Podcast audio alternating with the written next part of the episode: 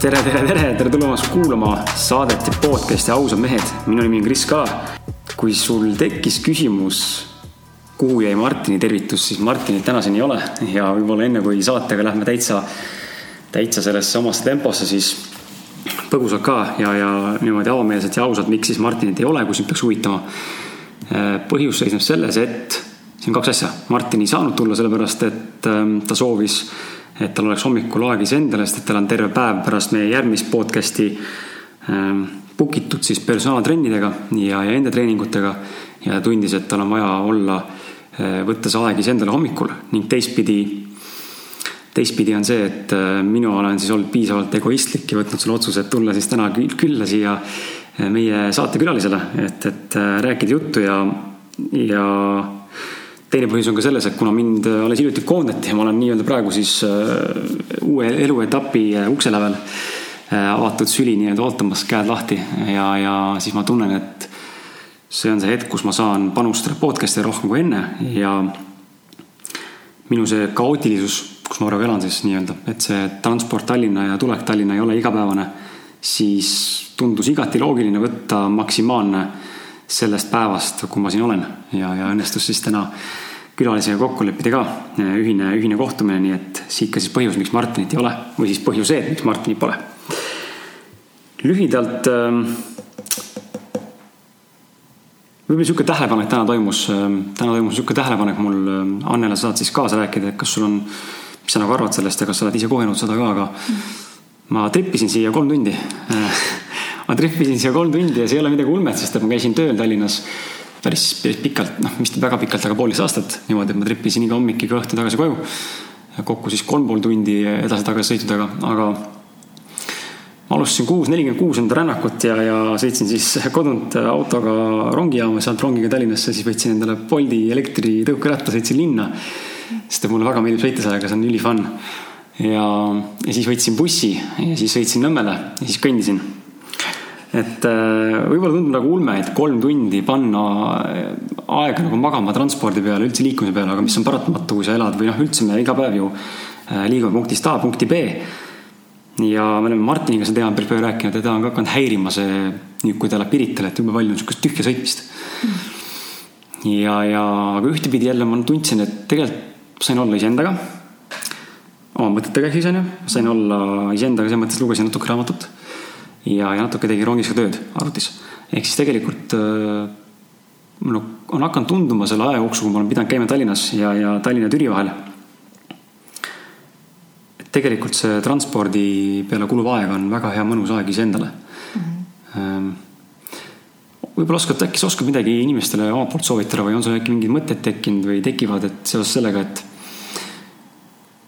just seesama aspekt, et mul ei ole aega ja, ja inimesed noh, justkui nagu tahaks võib-olla tunda ebameeldivust selle aja kulu või ajakadu üle, mis näiteks kulub transpordile mm. -hmm. aga samal ajal tegelikult selle ajaga tegelikult saab ju kasvõi siis ühistranspordis kakskümmend minti lugeda raamatut, kuulata mingit podcast'i mm. -hmm. et äh, mulle tundub, et väga palju on vabandusi, mida me leiame iseendale äh,. selle asemel, et siis seda nagu rakendada võib-olla positiivses võtmes ja tõesti siis execute ida nii-öelda. jaa Ähm, mina veedan ise ka väga palju aega transpordis, sest et äh, Nõmmelt kesklinna sõitmine võtab ka kuskil kakskümmend minutit vähemalt iga päev aega. et kui ma liigun, aga ma kasutan seda aega tegelikult sada protsenti alati iseendale mm. -hmm. esiteks kasvõi see, et kui on mingisugused mõtted või plaanid, mis lähevad paika sättimist, siis ma teen seda alati, liikudes ükskõik jalgsi, transpordiga, autoga. ma kuulan tohutult palju sellel ajal kõike, mida ma kuulata tahan. ja ma tegelikult olen ka bussis mediteerinud nii-öelda, et lase, lase nagu päris okay. mediteerinud, et äh, tegelikult äh, saab kõike teha mm -hmm. selle ajaga. küsimus ongi nagu valikutes, et kui ma olen nagu sundsituatsioonis mingi asjaga, et kuidas ma seda olukorda lahendan et kas ma leian enda jaoks parimad lahendused või ma keskendun sellele, et see asi on nagu valesti või halvasti mm. -hmm. et alati on nagu küsimus, et mida endale seada, et mida ma tegelikult selle ajaga saaksin nagu ette võtta. sest tegelikult on võimalik, ma ei tea, lapsi hommikul lasteaeda viies on ju tegelikult seda kvaliteetaega kasutada. et mitte kuulata võib-olla raadiot, vaid olla lastega, olla oma elukaaslasega, mis iganes mm. -hmm. jah, head tähelepanekud nii et jah, armas kuulaja, kui sa tunned ka ennast äh, mõnikord olevat sellises aja, ajanappuses, et, et justkui nagu aeg libiseb käest, siis too ennast hetkesse ja vaata, mida saad tegelikult paremat ära teha. samal ajal. alati on võimalus. okei okay ma tunnistan, mul sul ei ole sissejuhatust tehtud sinu kohta, sest et ma tundsin, et äh, ma ei suutnud, kuna ma olen tavaliselt see, kes need sissejuhatused koostab mm. -hmm. ja, ja ma alati suudan, mitte alati, aga ütleme sihuke, ütleme kümnest korrast võib-olla üheksa-kaheksa korral suudan teha sellise mõnusa, mõnusa sissejuhatuse vastava siis erineva info põhjal või siis selle põhjal, mida ma inimese kohta tean mm. -hmm. täna ma tundsin, et see ei ole võimalik. ma tunnen sind tegelikult väga pähe ja me näeme sind sinuga esimest korda yeah et ähm, meie koostöö tegelikult ju, noh, koostöö on täna meil siin, aga me tegelikult ju oleme eelnevalt suhelnud juba ja, ja kuulajad veel tegelikult ei tea seda, siis siin mõned poolteist kuud tagasi Facebooki postituses avaldasin su nime, tänasin sind mm -hmm. tegelikult, et sul oli väga suur panus meie esimese ausad mehed live event'i, kus me siis vestlesime Peep Paimuga teemal äh, edukas, õnnelik ja rahul ja, ja suuresti tänu sinule see selles mõttes toimus et äh, kui võib-olla kuulaja huvitab, miks, siis, siis Annela oli see, kes andis mulle nõu, kuidas seda paremini äh, teieni tuua, kuidas seda korraldada, kuidas seda suunata, milline võiks olla signatuur, mida ma tahan nagu välja anda selle sõnumiga. Ja, ja see andis mulle väga palju uut perspektiivi. ning, ning äh, igal juhul olid sa väga suur panus äh, meie esimese avaliku ausad mehed ürituse jaoks nii et aitäh sulle veel kord selle eest. ja aitäh, et lubasid olla su panus. ja, ja nüüd mul on see küsimus siit, et ma jõudsin Martiniga, nädalavahetusel oli meil väike, ta käis minu juures, tegime tööd. ja siis jõudsime arusaamisele, et koostöö on jube oluline mm. -hmm. Et kui me oleme harjunud sellega, et meie maailmas on oluline või noh, meid on kasvatatud selliselt, et oluline on ikkagi iseseisev olla, tubli olla, üksinda hakkama saada. ja, ja jumala eest mitte kellegagi koostööd teha, sest kõik on konkurendid. siis, siis täna olles nagu kahekümne seitsme aastane, mulle hakkab tunduma, et või noh, hakkab kohale lõpuks jõudma, et tegelikult see koostöös on meeletu väärtus ja, ja just see, kui me suudame usaldada ja mitte karta, et kas keegi võtab mu idee ära või lööb mulle noa selga või võtab siin midagi üle või teeb enne ära kui mina või mis iganes veel. Vaid me oleme tõesti valmis usaldama, andma võimaluse ja üksteist aitama, siis mitmekesi ära tehes, isegi juba kahekesti, on võimalik palju rohkem ära teha kui üksinda. ja paratamatult lõpuks, mis me Martiniga jõudsime siis arusaamale, ongi see, et paratamatult lõpuks üksinda tehes, jah, sa võid jõuda mingi piirini teha kõiki asju aga kuskilt tuleb platoo mm. -hmm. on need kogemused, teadmised, ähm, vajadused või, või siis on tõesti see, et lihtsalt puhtfüüsiliselt sa ei suuda lihtsalt enam seda ära handle ida.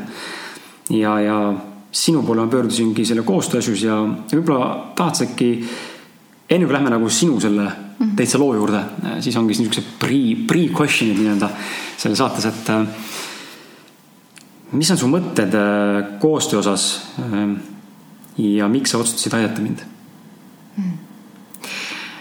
on selline väljend, et üksi jõuab kiiremini, aga koos jõuab kaugemale mm. -hmm. et selles mõttes sellel on tõe, tõepõhi taga minu enda elukogemuste põhjal. Ja ma olen proovinud mõlemat, ma olen proovinud üksi tohutult punnitada ja samas teinud ka tegelikult koos mm.. aga mulle meeldib teha koos. ma ei ole oma loomult selline, kes nagu lõpuni ainult Äh, üksi toimetaks, et ma vajan enda ümber inimesi. ma vajan neid juba sellepärast, et äh, oma mõtete põrgatamisega või ideede põrgatamisega tekib, äh, tekib suurem inspiratsioon, tekib suurem selgus, arusaamine. et ja no lisaks ma naudin tohutult inimeste seltskonda. et see on juba nii oluline minu enda jaoks ja miks ma sind aidata otsustasin Äh, puhtalt sellepärast, et esiteks on mu loomuses ma ei, ma ei oska ära öelda, kui äh, keegi mõnusalt abi küsib, siiralt, ausast soovist äh, abi saada. Ja kui mul on teadmised olemas selles osas, ma oskan aidata, siis miks ma seda ja võimalus, aeg, ressurss oli ka olemas, et miks ta siis mitte teha.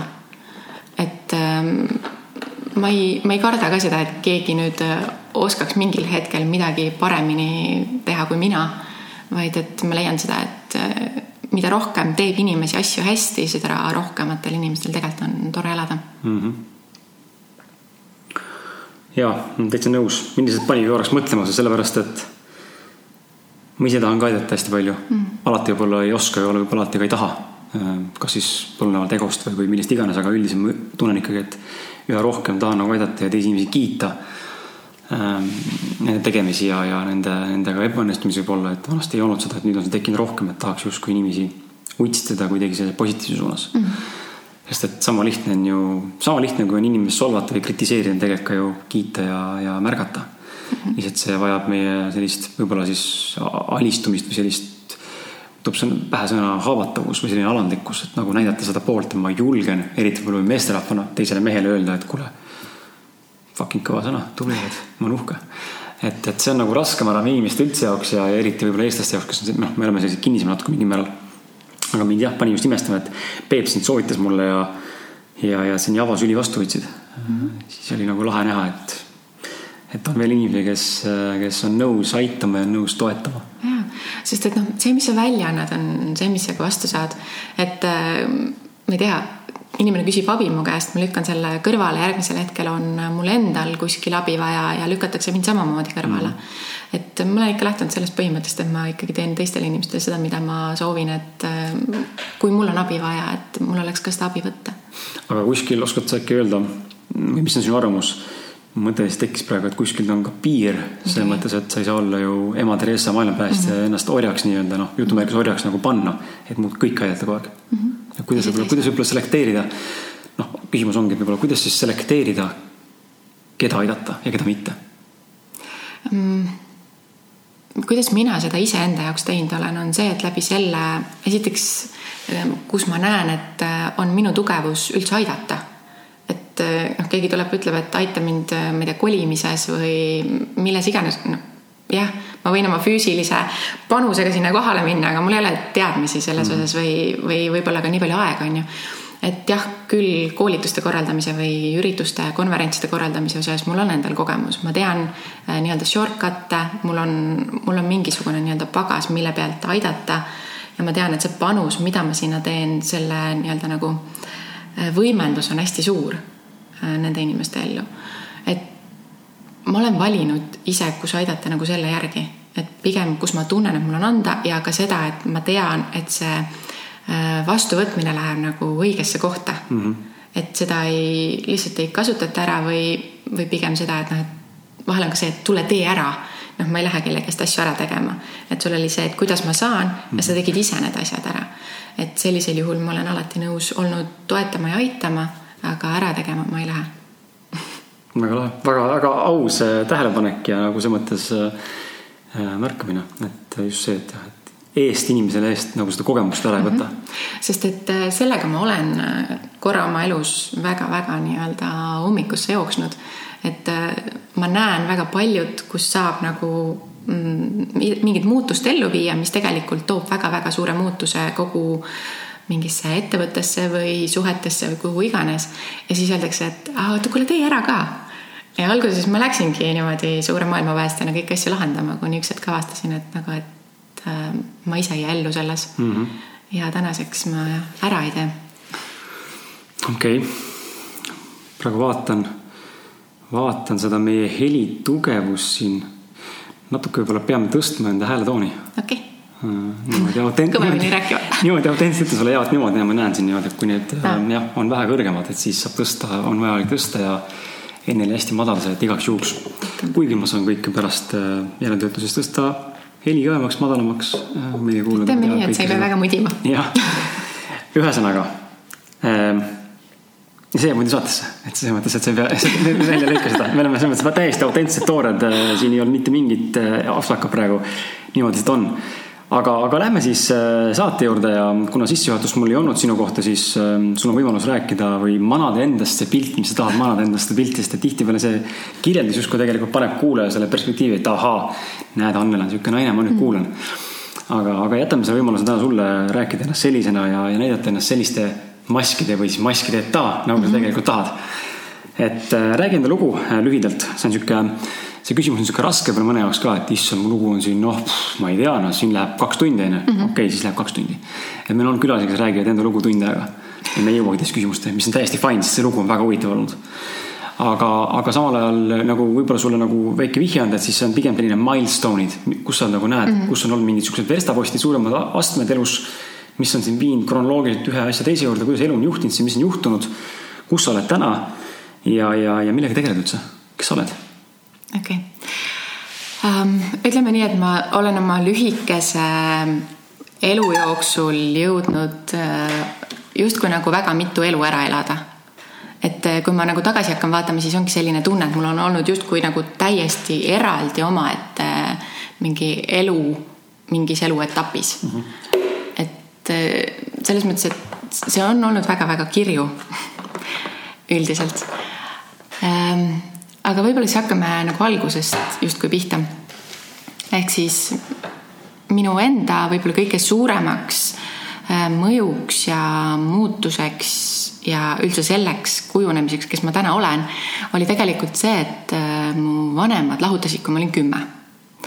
ja noh, see on lastele niikuinii läbielamine ja väljakutse, et hakkama saada nende mõtete ja tunnetega, mis siis sellel hetkel on, pluss siis see, et tõenäoliselt üks su vanematest su elus enam nii tugevalt ei figureeri mm. -hmm. minu puhul oli see, et neid kumbagi enam mu elus väga tugevalt ei figureerinud, ehk siis tegelikult mu isa kolis äh, meie pere juurest kõigepealt ähm, ära ja seejärel kolis mu ema minu juurest ära. ja see on olnud üks selline hästi tugev mm, sündmus mis on tegelikult äh, läbi kogu elu mind väga huvitavatesse kohtadesse kandnud. ja mm, kuidas nüüd võtta? tegelikult ähm, see ei olnud ainus sündmus, mis sellel hetkel toimus, mis äh, mind äh, nii-öelda nagu kujundama hakkas. et natukene enne seda, kui mu vanemad lahutasid, hukkus mu lapsepõlvesõbranna autoavariis ja peale vanemate lahkuminekut lahkus siit ilmast minu vanaema. ehk siis ma ütleks, et see oli mingi väga lühikese perioodi jooksul lapse jaoks mingi kolm-neli aastat, kus tegelikult toimus kolm väga suurt sündmust mm -hmm. minu jaoks. emotsionaalselt ja noh, paraku tüüpiline Eesti pere, nii nagu ikka, ega kodus ju nendest teemadest siis ei räägita. et see pigem nagu on mingi sündmus ja siis noh, sa igaüks siis püüab omaette kuidagi sellega nagu hakkama saada. aga kui neid on nagu üksteise järjestikku nagu nii palju, äh, siis see hakkas mu elu äh, kujundama ja seda suunda võtma. et ma muutusin, ma tegelikult olin ka enne, aga võib-olla siis muutusin rohkem selliseks jälgijaks. ma hakkasin vaatama, mis nagu ümbritsevas elus ja inimestes toimub. et ma pigem olin hästi tagasihoidlik Äh, ja tahaplaanile hoidev. ja see nii-öelda need sündmused tõid veel rohkem sinna, et ma veel rohkem jälgisin inimesi mm. -hmm. et ja iseennast. kuigi see iseenda jälgimine alguses oli väga keeruline, sest et äh, need tunded, mida siis enda sisse olin matnud kõikidest nendest sündmustest, neid oli üsna palju ja selleks, et nendega mitte tegeleda, siis sinna sai tohutult igasuguseid kihte peale laotud ja.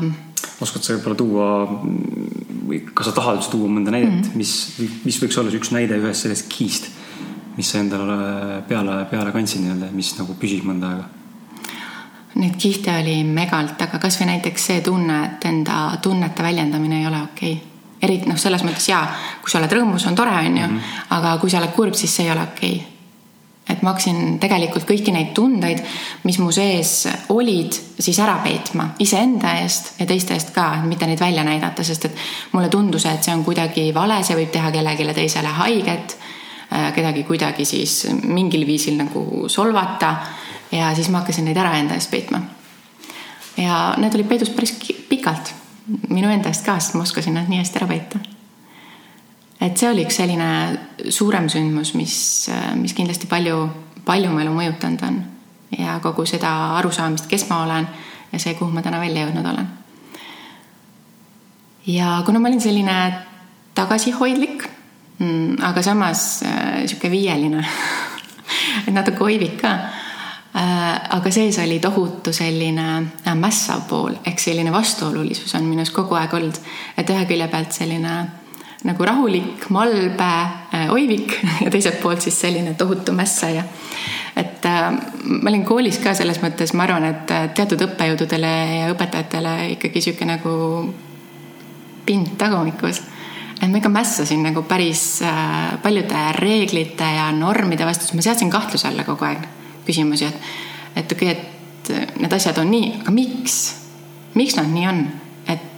Selgitage mulle lihtsalt, et miks ta nii on, et siis ma võin ju aru saada ja aktsepteerida seda. aga mitte keegi ei suutnud selgitada, et miks teatud asjad nii on.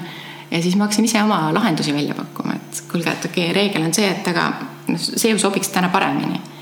et sealt tekkis kogu aeg see küsimus, et miks need asjad nii on ja tahe nagu aru saada nende asjade taha rohkem. Et äh, sealt tekkis see nagu küsimine ja uurimine ja asjade kahtluse alla seadmine. ja oma jälgimisega ma hakkasin küsima oma lähedastelt ka, et äh, ka eriti veel nendelt lähedastelt, kes olid juba vanuses kuuskümmend pluss et kui nad oma elule nüüd tagasi vaatavad, et mis siis nende eludes on olnud midagi sellist, mille üle nad on uhked või mille tagasi vaadates mõtlevad, et oh, see on olnud ülimalt äge. ja enamasti ma sain vastuseks selle, et no mis siis ikka, et noh, käisin tööl ja kasvatasin lapsi või noh, käisime võib-olla mõnel reisil ja noh, nii on olnud, on ju ja siis ma hakkasin tundma esimest korda elus sellist nagu hirmu, et pagan, et äkki mul on sama tee. et mõtlen, ma jõuangi nagu vanadusse ja mu ainus mõte on see, et, et noh, et käisin tööl ja kasvatasin lapsi, noh, mis on iganes, iseenesest väga tore, onju. aga mul oli tunne, et nagu, et, et see ei ole minu tee. midagi nagu puudu. midagi on täiesti sellest pildist puudu. ja sealt edasi ma küll käitusin ilusti, korrektselt, nii nagu viieline ikka oma vanemate sellise soovituste järgi, ehk siis lõpetasin kooli ja läksin ülikooli ja äh, abiellusin ja oli kodu ja puha ja kuni üks hetk äh, kahekümne kuueselt, ma arvan, oli see aeg, kui ma hakkasin mõtlema, et äh, okei okay,, et noh, nüüd on tehtud kõik justkui nagu by the book, nii nagu kogu elu räägitud on, et kõik sammud on tehtud. aga miks nii tühi olla on? et ja mul on ilus kodu ja ma olen abielus ja mul on väga hea töö ja kõik justkui nagu peaks olema ja kõik ümberringi justkui tunduvad ka nagu selles õnnelikud olevat mm. -hmm et mis mul viga on, et ma ei ole. sest et äh, ma hakkasin küsima ka siis oma lähedaste käest ja tuttavate sõprade käest, et kuule, et nagu, et kas sa oled nagu päriselt õnnelik? et, äh, et, et tahad sa veel midagi? ma sain aru, et nad ei tahagi midagi ja see, kus nad on, ongi õnnelik, mis on fine. aga ma ei olnud. ja sealt hakkas äh, äh, nii-öelda nagu otsimine ja endaga tegelemine nagu tõeliselt pihta. esiteks arusaamisel, aru saamaks seda, et mis mul siis viga on, et ma õnnelik ei ole, mida ma siis tegelikult nagu tahan, et sul on ju kõik olemas ja mida sa siis veel tahad. ja seda, et äh, aru saama, et äh, miks ma tegelikult ei tunne. sest et ma tegelikult olin muutunud ikkagi üsna tundetuks, nagu mitte selles mõttes, et äh, ma oleks teistega tundetu olnud mm, -hmm. vaid ma lihtsalt ei lubanud endal tundeid tunda. ka tegelikult rõõmsaid tundeid ja siukseid helgeid, kergeid tundeid. ja siis hakkas see töö ja iseendasse kaevamine nii-öelda pihta tegelikult. et ähm, kaks tuhat seitse ma otsustasin oma elu laiali lammutada, ehk siis lahutasin abielu äh,. kolisin ära oma imeilusast äh, enda poolt valmis tehtud korterist. ja kõige lõpuks siis vahetasin veel elukohta natuke hiljem ja, ja töökohta ka selles mõttes.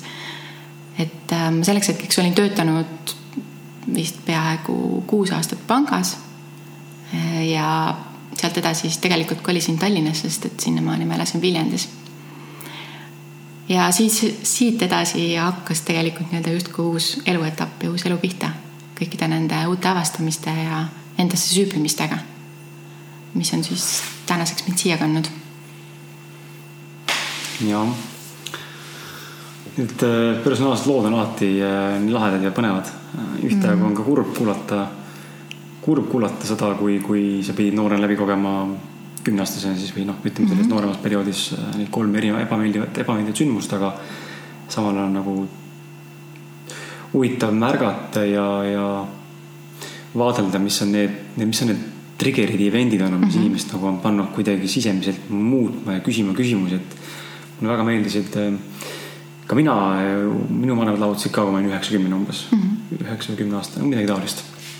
ja, ja mäletan, et äh, ma olin sunnitud emaga elama, kuigi ise ei tahtnud ja see oli minu jaoks hästi-hästi-hästi vastik periood. täna ma olen emaga hästi kaugeks jäänud ka, mis ei ole üldse see koht, kus ma nüüd tunnen, et sa peaks ütlema mulle, et oi kui kahju, Kris mm. -hmm. et mul pigem vastupidi on see, et, et nii on läinud ja, ja ma saan sellest aru, et nii on ja seal on põhjused, miks mm. -hmm. mõlemad ilmselt emaga teame seda, et tere ema, kui sa kuulad juhuslikult, ta mõnikord kuulab, nii et tere ema, kui sa kuulad seda, et siis, siis äh, ma arvan, mõlemad teavad, et seal on mingi põhjus, miks see niimoodi on, et isa on mul alati olnud lähedasem mm. -hmm. isa ei kuula äh, podcast'e, seda ma tean niisugune teistsugune mees, vanakooli mees, sihuke meie perspektiivid ei, ei haaku lihtsalt kuidagi eriti mm. -hmm.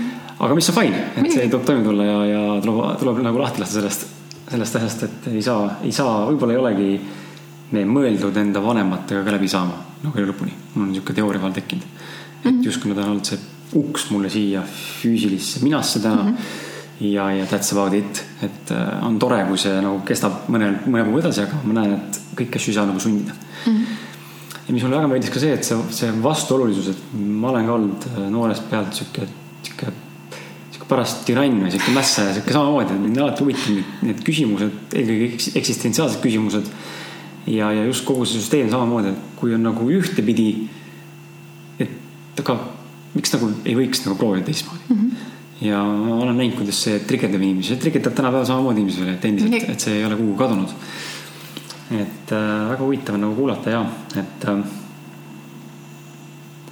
ja see on selles mõttes äh,, ma ütlen ka, et meie elus võib juhtuda ükskõik mis situatsioone, kui karmid või rasked need ei ole, siis tegelikult ähm, kui sa tagasi vaatad, siis need asjad on olnud tegelikult täpselt need, mis on olnud vajalikud selleks, et saada selleks, kes sa saama nii-öelda, kelleks sa saama pead. ehk siis ähm, ma täna ei kujuta ette, milline ma oleksin, kui ma oleksin kasvanud üles vanematega koos sest et ähm, ma pidin saama nii varakult iseseisvaks ja hakkama iseenda eest seisma, iseenda eest vastutama ja ise oma elule nii-öelda nagu suunda andma mm -hmm. hästi tugevalt. ja mulle väga meeldib, mu ema on olnud megatark selles osas, et ähm, ta ei ole mind mitte kunagi milleski otseselt aidanud ja just teadlikult. et ma võisin minna tema juurde küsida, et kuule, tead, et mul on mingi sihuke otsus langetada, et mis sa arvad. siis ta ütles mulle vastuseks selle peale alati, et see on sinu elu sina tead ise, mis on sinu elus kõige parem otsus, mina ei tea sinu elu. et megatarkus. ja ma mäletan, kui vihale see võis lapsena mind ajada, et kõiki teisi ju emad ja vanemad aitavad, on ju, ja minu oma ütleb, et kuule, mõtle ise välja, jumal tänatud, et nii ütles. et äh, see on pannudki mind otsima ja see on pannudki mind asjadesse nagu vaatama, et, et kõik need sündmused on olnud, ma olen ülitänulik neile, sest et äh, need on need on sinu, mulle tundub alati mm, see, et kui ma äh, räägin inimestega, erinevate inimestega, siis äh, meil kõigil on sees tegelikult see unikaalsus. aga see unikaalsus või see sära või see nagu tegelik meie enda see essents kaob ära tegelikult nende sündmuste, nende kihtide, nende uskumuste ja igasuguste kõige muu asjade alla. ja need sündmused kohati on selleks, et raputada nii-öelda see pealiskiht, mis on mm -hmm. mingi tegelik jura lahti selleks, et see päris asi saaks sealt välja tulla. ja ma ise näen enda elus, kuidas need sündmused on olnud hästi tugevaks trigger'iks sellele, et see minu päris olemus, päris ehe mina saaksin välja tulla. sest vastasel korral ta olekski mugavalt siin alla jäänud, sest mitte midagi ei oleks teda sealt välja nii-öelda meelitanud mm. -hmm. et see on kõik olnud mega vajalik. aga suunakski su jutu praegu siit äh, hea meelega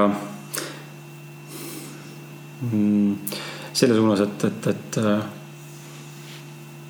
mul on kaks küsimust korraga peas, aga, aga läheme ühe juurde, et, et okei okay,, et äh, murda seda, seda asja enda ümbert, et tulla välja, tuua välja enda seda õiget essentsi, enda päris olemust, päris nagu seda annelat või siis seda isiksust, kes tegelikult on selle keha taga või sees.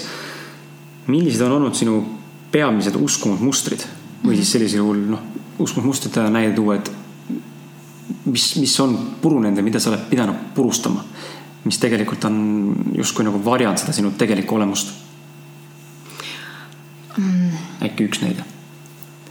no vaata, see on selles mõttes keeruline, et tegelikult nad on meil kihtidena, need uskumused ja me saame nendele minu enda nagu nägemuse kohaselt tegelikult need äh, uskumused moodustavad nagu kihid, aga seal taga on nii-öelda üks või kaks väga sellist tugevat äh, tuuma, millest kõik need teised kihid äh, peale siis elu kogemisel nagu tekivad. minu väga suur uskumus tegelikult, millega tõenäoliselt ma mingites kohtades veel täna nagu tegelen, on see, et mind ei armastata ja see oli väga-väga tugevalt äh, nii-öelda kuskile maetud ja see mõjutas mu elu väga erinevaid valdkondi mm. -hmm. et kui me mõtleme, et noh, mind ei armastata, et okei okay,, et võib-olla lähisuhet või siis nagu peresuhet, aga see hakkab tegelikult mõjutama ka äh, ettevõtluses Äh, see hakkab mõjutama, ma ei tea, see, kuidas äh, ma nii-öelda sporti teen, mis iganes erinevaid valdkondi tegelikult, sest et seal all sügavas on see uskumus, et mind ei armastata ja siis sa lähed kuskile ärikohtumisele, lähed äh, enda ettevõtet presenteerima ja sul on tegelikult see uskumus seal all sees ja sa hakkad tegelikult ennast saboteerima või nägema kõiki neid olukordi läbi selle, et sind ikkagi ka ükskõik kes ümber ei armasta. et sa sees oled ikka see väike katkine haige laps, kes äh, küll on nii-öelda selle enda suure täiskasvanu kostüümi selga tõmbanud ja teeb nüüd suurt äri, onju. aga tegelikult on sees see haav, mis taustal kogu aeg oma rolli võtab ja mängib. Tekkis praegu sihuke huvitav mõte, et ma ei tea, kas sa oled mõelnud selle peale, aga äkki, äkki sa tahad praegu mõelda, mängida selle mõttega, et ma hakkasin mõtlema korra selle peale, et sattusin lugema mõnda aega tagasi sellist raamatut nagu rõõm iseendaga tuttavaks saada mm.. kirjutab ühe Borja Villaseca hispaanlase mingisuguse, mis ta on, filantropist ja mingi filosoof ja psühholoog, kes iganes poolt. ja see raamat räägib siis ego erinevatest tüüpidest. et maailmas on väidetavalt üheksa erinevat ego tüüpi või nagu sellist ego olemust. ja inimesed langevad siis ühte või siis kuskilt niimoodi, et üks domineerib ja natuke kuskil mujal ka veel mm. -hmm ja seal nagu on siis need kirjeldused, milline see ego, milline, milline on selle ego tüübi äh, selline alateadlik äh, käitumismuster ja iseloomujooned. ja kui ma ennast üles leidsin sealt, siis noh, ma loeks nagu iseennast. ja, ja seal on nagu kirjas, et äh, mis tõi mulle kohe sinu jutt nagu pähe selle küsimuse, et seal on nagu kirjas see, et mulle, minu, minu ego jaoks on hästi oluline erineda mm. -hmm. ja ma olen näinud terve elu seda, kuidas ma üritan erineda Äh, alateadlikult ja teadlikult mm. -hmm. ja nüüd mul tekkis küsimus äh, sulle, sest mul kohati nagu noh, tundsin resonatsiooni selle jutuga, et tahtsid erineda ja tundsid, tahtsid küsida neid küsimusi ja siukest nagu, et sa ei, tahtsid nagu raputada ja küsida, mis toimub, onju. kas sa oled äkki mõelnud või, või mis sul praegu mõttesse tekib, et, et just see enesearmastuse teema, et huvitav, kas, kas see võib olla minu puhul ja sinu puhul äkki või üldse inimeste puhul sama teema, et, et, et see soov erineda tuleb tegelikult sellest, et me ei ole me oleme kogenud äkki mitte aktsepteerimist ja mitte armastamist. ma ei tea, mis vanuses või mis etapis siis, aga just see, et kuskile võib-olla meid hukka mõistetud, võib-olla, või pole meie mõttemaailmaga resoneerutud või nii-öelda kinnitust saadud. ja siis on tekkinud see hoiak, et ahah, ollakse minu vastu jah, no ma siis olen teie vastu ise mm.. ja mul lihtsalt karjus praegu pähe seda, ma näen enda puhul seda, ma tahan, ma kohati tahan täiega olla inimestele vastu mm. -hmm. tekitada seda controversial'it sellepärast, et mul on tunne, mul on kuskilt jäänud mingi puudujääk. ma ei tea, kas see on äh, mõte, mis nagu resoneerub sinuga või, või kas sa saad aru, mida ma tahan öelda? ja, et siin võib vaata selles suhtes ka nii-öelda kõik need asjad on alati nagu kihilised, et ei saa nii-öelda üks-ühele võtta. et äh, sageli, kui vaadata nagu seda erinemisvajadust, eriti kui hakata vaatama näiteks teismelisi, kus tekivadki see meeletu vajadus erineda tähelepanu ja. ja, et aga tegelikult seal ongi soov saada tähelepanu. soov see, et ma oleksin armastatud tegelikult. et aga see käib nii-öelda nagu vastuoluliselt, et ma püüan saada tähelepanu läbi selle, et ma ise eemaldun. Tegelikult sa liigud nagu vastupidises suunas sellele, mida sa tegelikult vajad ja tahad. tegelikult tahan, et mind emmatakse. muidugi, et need, need lapsed tegelikult ei taha mitte midagi rohkemat kui see, et neile öeldakse, neid armastatakse et äh, see on see, aga ma arvan, et ähm, su tegelik selline nii-öelda nagu essents on lihtsalt küsida ja seada kahtluse alla seda, mis on normid. Mitte minna kõigega lihtsalt nagu siiralt uskudes kaasa, vaid küsida, et kas see, kas sellega kaasaminek on tegelikult ka nagu minu jaoks okei okay? et see on tegelikult enda armastamine mm. -hmm. et ma ei lähe kõigega pimesi kaasa, vaid ma otsin enda jaoks seda tõde, enda jaoks seda, mis on minu jaoks, mis on see nii-öelda minu tee mm. -hmm. et äh, mul endal ei ole olnud, noh, pigem on olnud see äh, soov just aru saada, et äh, ma olen näinud neid teid enda ees oma vanemate või lähedaste näol, et kuidas on võimalik nii-öelda oma elu lõppu välja kõndida äh,. ja ma olen lihtsalt küsinud, et kas ma tahan, ei taha, mida ma tahan siis selle asemel. et kui see on see, mida ma ei taha, siis leia siis, leian siis üles selle, mis on see minu asi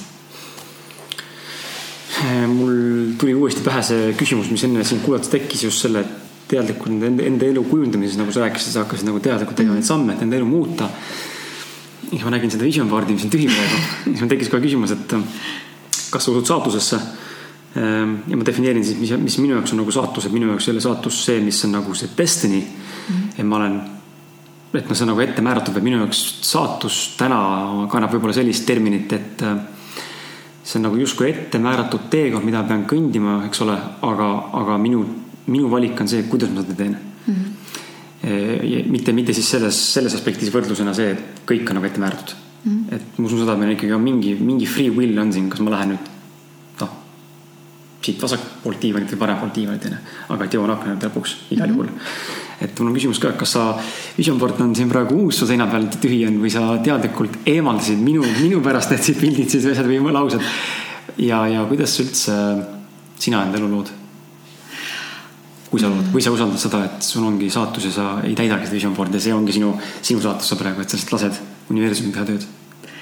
see on huvitav küsimus, siin on nii erinevaid vastuseid selles mõttes, et äh, erinevatel eluetappidel ma olen nagu võib-olla uskunud või liikunud nagu erinevalt. Ehm, ma usun siia, et me tuleme, ehk see on minu uskumus, et me tuleme siia ellu kõik kogema midagi ja midagi konkreetsemat. Ehm, ehk siis mulle tundub, et me paneme paika justkui natuke mingi sellise suurema ehm, kogemise soovi, et mis iganes see siis on. noh, ma üsna tugevalt aiman täna seda, et äh, minu enda isiklik minu kogemus, mida ma siia kogema tulin, oligi õppida kogema armastust. sest et mis saaks olla nagu parim viis õppida armastust, kogedes mittearmastust, kuigi mu ümbritsev keskkond oli väga armastav mm. -hmm. aga lihtsalt see, kuidas mina nägin, oli see, et mind ei armastata. et äh, ma usun, et me tuleme nii-öelda sellise nagu mingi suurema eesmärgiga siia.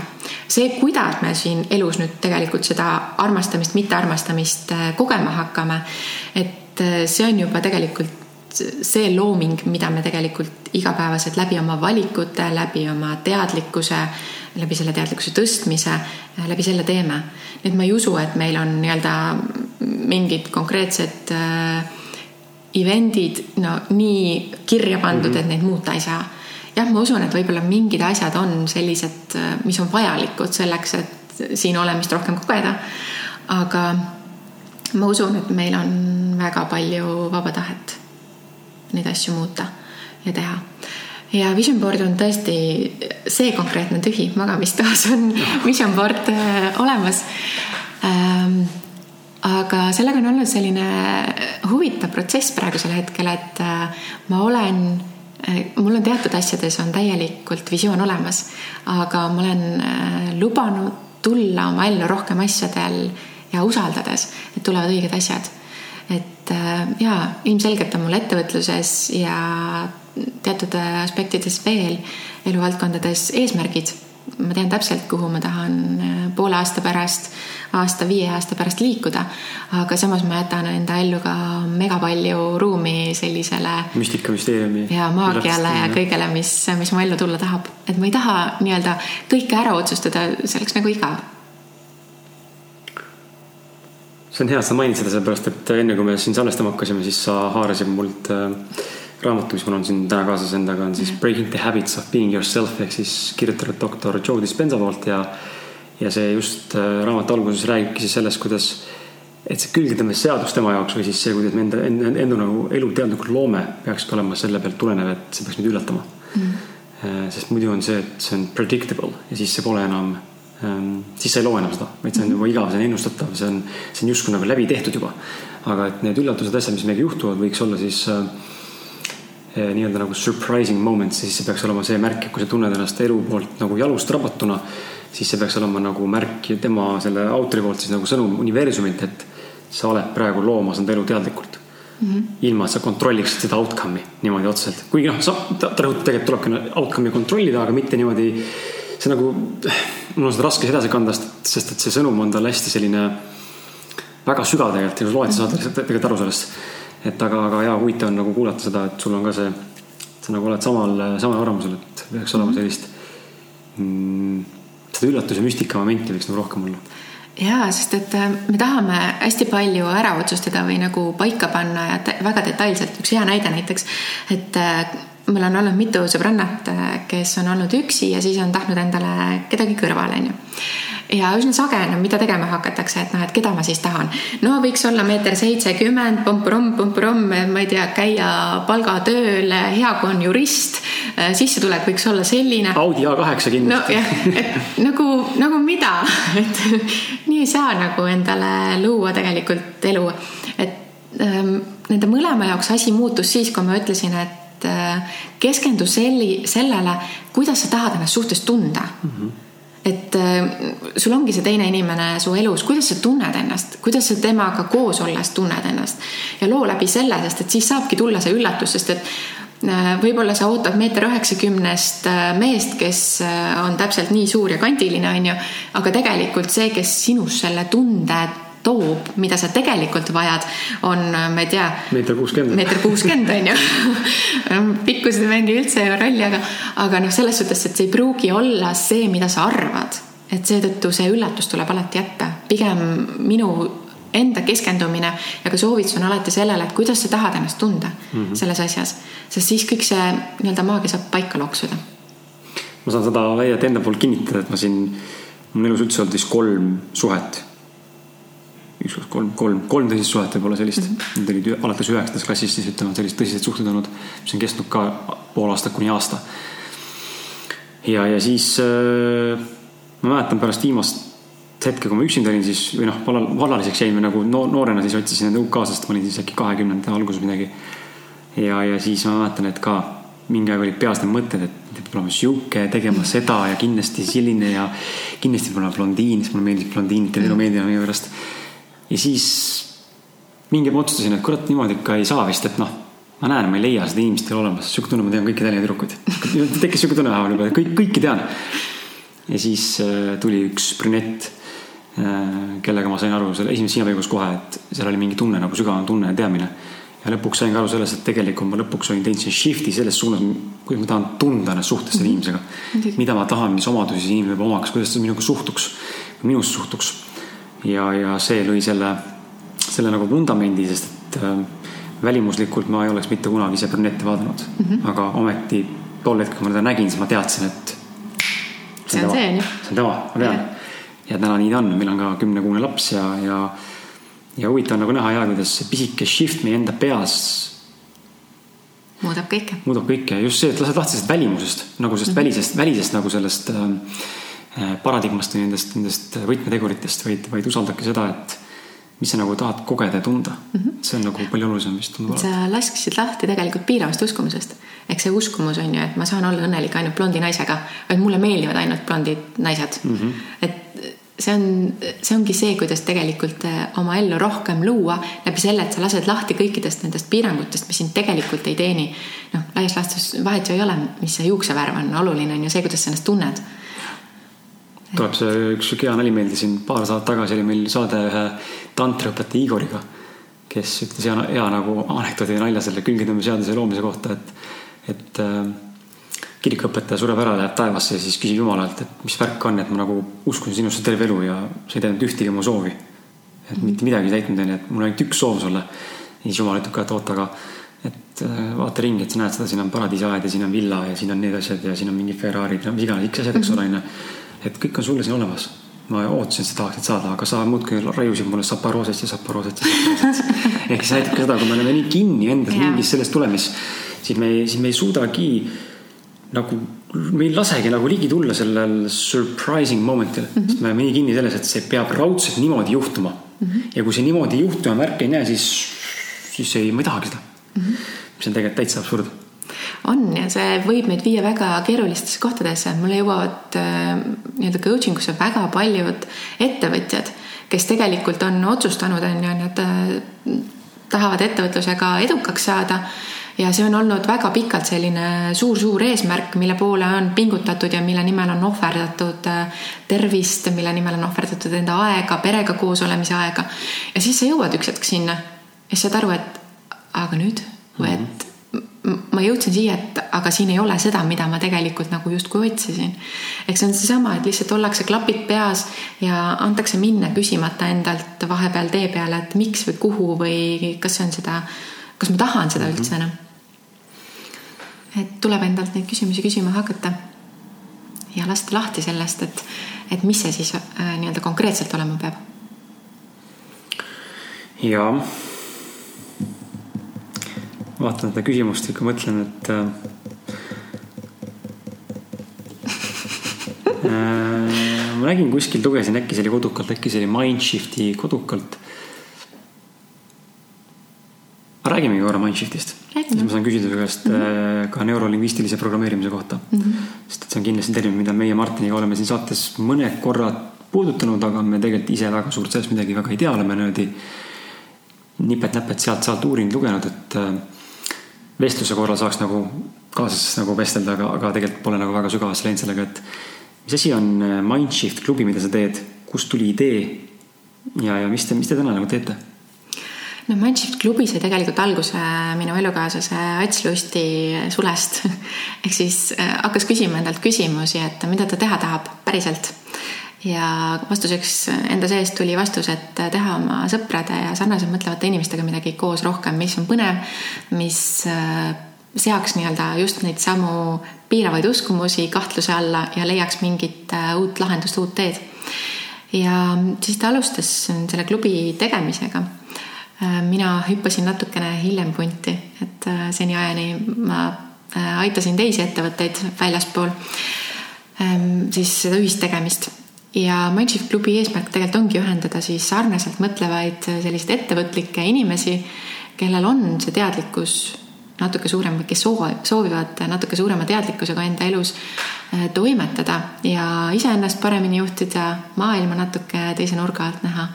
ja me oleme teinud erinevaid üritusi, erinevaid koosolemisi just selleks, et neid inimesi ühendada, sest nii palju jõuab meie klubisse inimesi, kes ütleb, et nii äge, et ma isegi ei teadnud, et keegi samamoodi mõtleb nagu mina või et, et neid inimesi mm -hmm. üldse mhm. olemas on.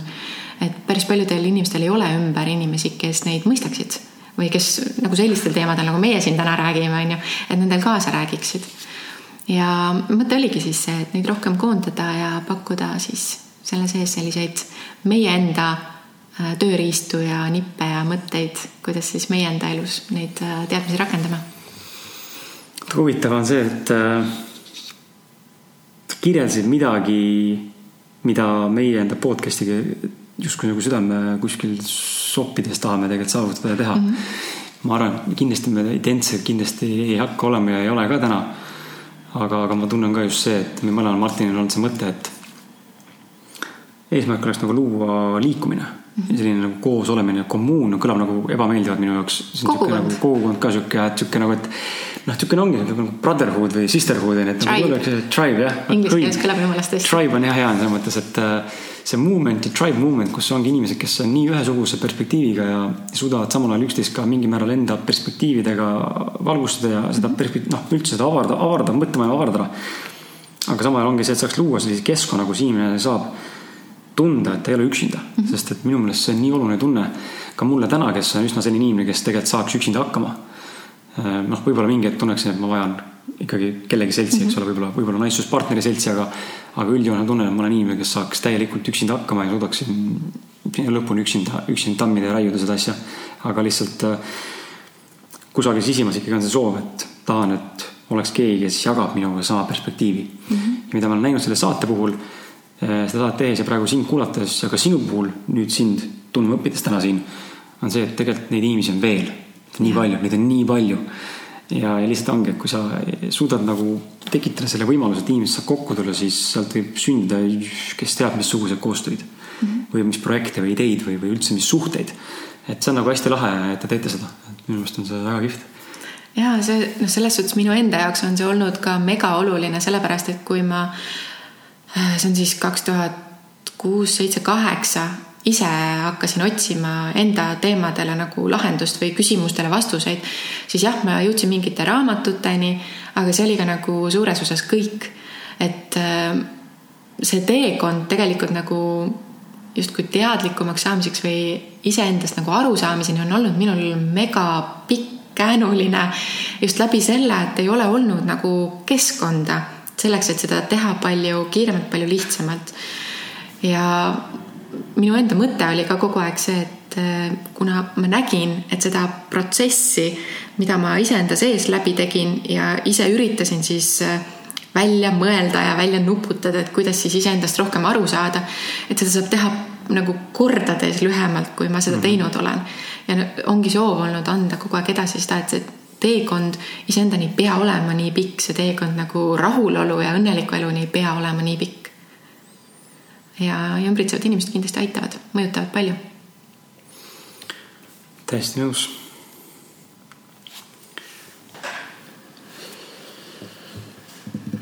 okei okay, äh,, aga see NLP, mis ma enne küsisin, et mm -hmm. äh, räägi, mis see on ja, ja võib-olla ka sellises valguses, et miks, miks meil vajalik on, mis selles on head mm? -hmm. ma hakkan natuke kaugemalt võib-olla pihta, et kuidas ma selleni jõudsin mm -hmm. või, või miks ma selle tee enda jaoks valisin. on see, et kui ma hakkasin iseenda nii-öelda nagu mõistmise ja, ja arusaamise ja asjade lahendamisega enda sees pihta, äh, siis ma nägin seda, et äh, ma tegin tohutult igast erinevaid asju, käisin proovimas, ma ei tea, hüpnoteraapiaid ja vabastavaid hingamisi ja no you name it kõik, mis tollel hetkel kättesaadav oli, et kõike nagu proovisin ja kõigiga nagu justkui mingit tulemust said. aga igapäevane elu nii-öelda tõi ikka kõik needsamad need mõttemustrid, kõik need asjad uuesti pinnale ja justkui läksid ikkagi nagu sama nii-öelda nagu reega edasi. ja siis mul hakkas tunduma, et, et okei okay,, et kõik need muud asjad nagu aitavad, toetavad mind kõrvalt, et aga igapäevaelus ma olen ju ikka täpselt äh, nende mõttemustrite ja uskumuste nii-öelda nagu küüsis.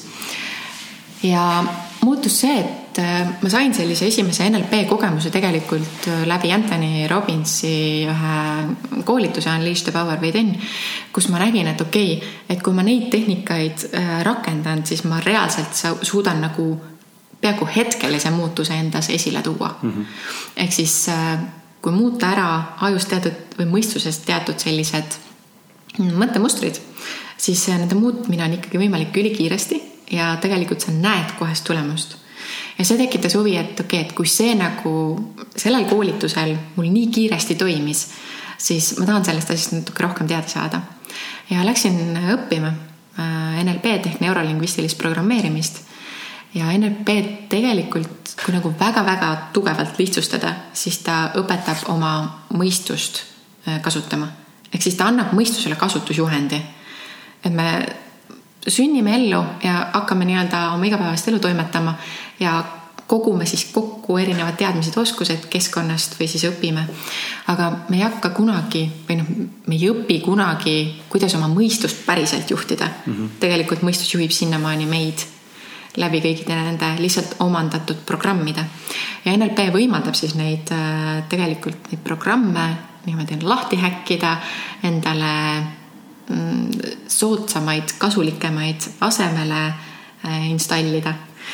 ja õpetab eelkõige küsima küsimusi ja enda seest neid õigest kohast ka neid äh, vastuseid leidma ja nii-öelda nagu struktuuri paika panema, et sa saad normaalselt töötava arvuti endale mm, -hmm. mitte see, et seal on lihtsalt suvalised programmid, lihtsalt kõik, mis sa oled alla laadinud ja nad lihtsalt seal on ja see, need mõjutavad su elu, vaid sa lood struktuuri ja korra endal mõistuses ja läbi selle on iseennast palju lihtsam ja oma elu juhtida. okei okay. mm,. tahaks mingit sihukest nagu praktilist näidet. tahaks sihukest nagu praktilist näidet, et mm. -hmm. võib-olla seesama, mis sa seal äh, Robinsi äh, koolitusel kogesid, mis oli see, mis see on üks väga pikk näide. ma proovin natuke lühemat kiiresti mõelda. Ähm, üks asi näiteks, mida tegelikult enamik inimesi väga palju äh, mõjutab, aga millele kunagi oma tähelepanu ei pöörata, on see, et mida me elus väärtustame. et kui ma küsin sinu käest, et mis on, mis on need asjad, mida sina elus kõige olulisemaks pead, mis on sinu jaoks need kõige suuremad väärtused elus? Äh, suhted tulevad mulle pähe esimesena mm. -hmm mis veel?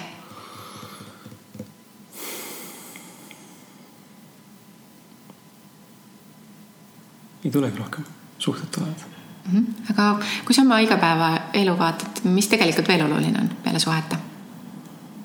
sa mõtled, oluline mulle või oluline ühiskonna Sulle. mulle oluline mm. -hmm. valikuvabadus mm, -hmm.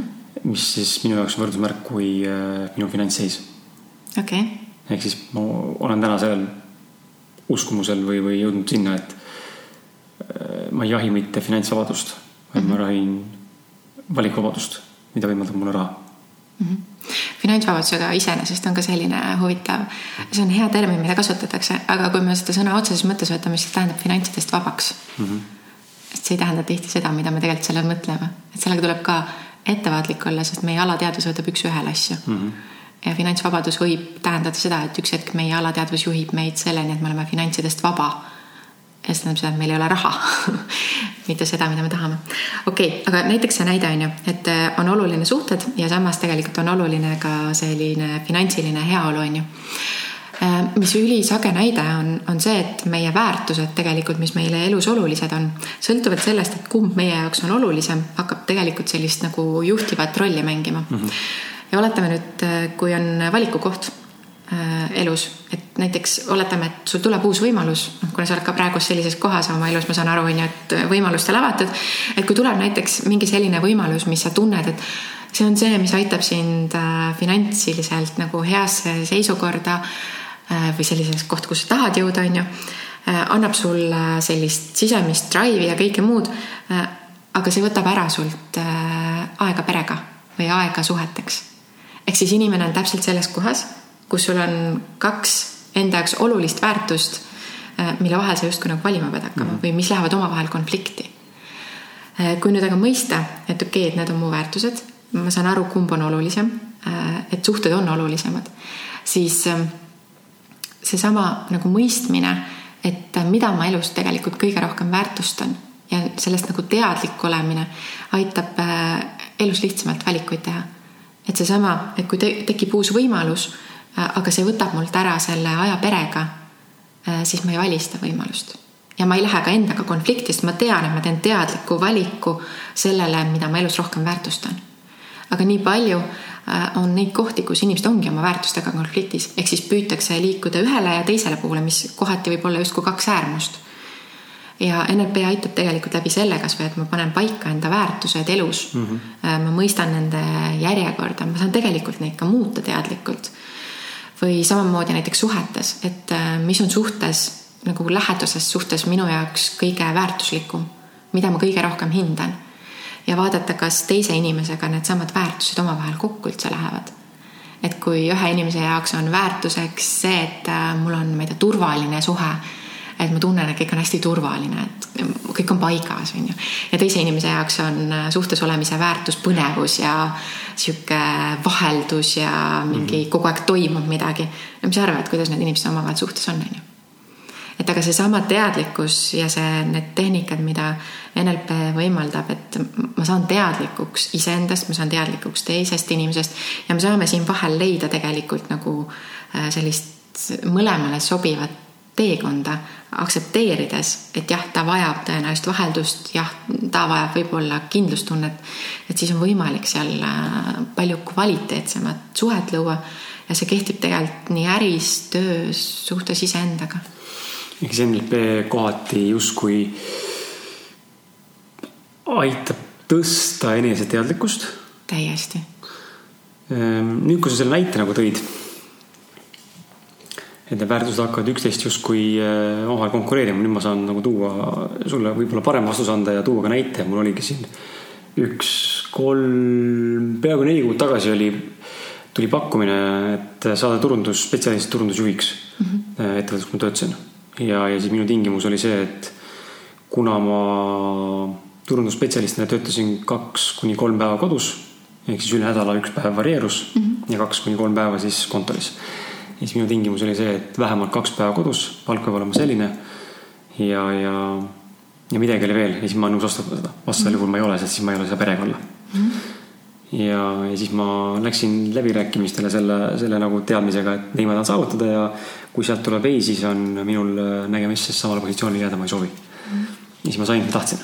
sain täpselt seda, mida tahtsin. sain täpselt selle palganumbri, sain täpselt selle, ma sain kaks päeva kodus töötada ehm, ja, ja sain jätkata, aga elu kuna ma olin välja saatnud juba selle signaali tegelikult, ma ei soovi seal olla mm. -hmm. ja, ja, ja et see ettevõtte visioon ei ole see, mida mina, millesse ma usun ise ja ma nägin seal väga suuri kääre omanike visioonides. et äh, noh, ma ei hakka siin nime mainima igaks juhuks, mis ettevõte see oli, aga, aga no mis pole midagi mainida, Shoppas, Shoppa netikaubamest ütlesin. omanik nagu tegi, nägi nagu selles, nad tegid ühte, aga omanik, üks omanikest nagu tegelikult tahtis teha midagi nišikat mm. -hmm. et teinud seda. siis mul jäi kogu aeg see mulje, et siin on, tehakse asju lihtsalt raha pärast. ja harjumusest juba sellest, et meil on see ettevõte mm -hmm. olemas, me oleme niimoodi teinud juba kümme aastat, jätkame. aga sisimas kogu aeg, kui ta rääkis sulle enda asjadest, mis sa tahad ettevõttelt saada, siis tema visioon oli midagi muud ja sa ei olnud, sul on nagu käärid, et see pole ime, et see ettevõte ei lähe nii hästi majanduslikult sest et omanik ise ei ole tegelikult fully in contact with himself. ja siis äh, oligi, sain ka aru lõpuks sellest, et see, et mul ettevõte läks niimoodi, et mind koondati mm, -hmm. kuna tulemused ilmselt ka tänu minule, ma olin lihtsalt sitt äh, turundusjuht järelikult ausalt eks ole, onju. ja ühtlasi ka majanduskäive oli kehv ettevõttel. Äh, siis tänu sellele lahti, lasti lahti kolm, ei, viis inimest, mina üks nendest mm. -hmm. ja nüüd ma saan ka aru, et see oli nagu märk elult, universumilt, jalaga mulle perse anda, et et sa ise tegelikult ütlesid, sulle ei meeldi seal. ja sa ei olnud nõus ära tulema, sest sul oli mugav mm. -hmm. ja siis tegime sedasama sinu eest. ja nüüd ma olengi siin, kus ma olen siis äh, täna, tundub, et ma olen liikumas äh, natuke, natukene sellise äh,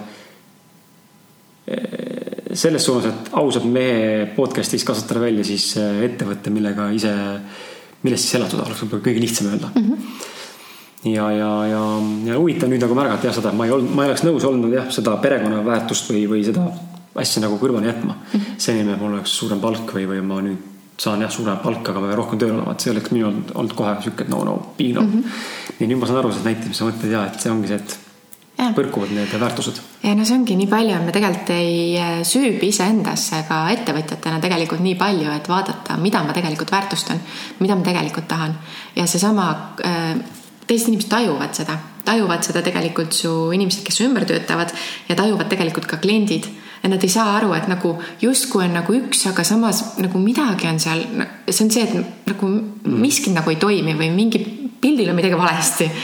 et tegelikult see on nagu esimene asi, millest nagu aru saada, et mida ma tegelikult tahan, need asjad paika saada, sealt sa saad kõike üles ehitama hakata ja see, seetõttu ähm, on ühed ettevõtted seal, kus nad on, sest et tegelikult ettevõte algab juhist või omanikust ja teised ettevõtted hoopis teistsugustes kohtades et ähm, see enda teadlikkus ja sellest arusaamine ja mõistmine on nii oluline, et see mängib nagu kõikides eluvaldkondades nagu tohutut rolli. Mm -hmm.. okei okay,, aga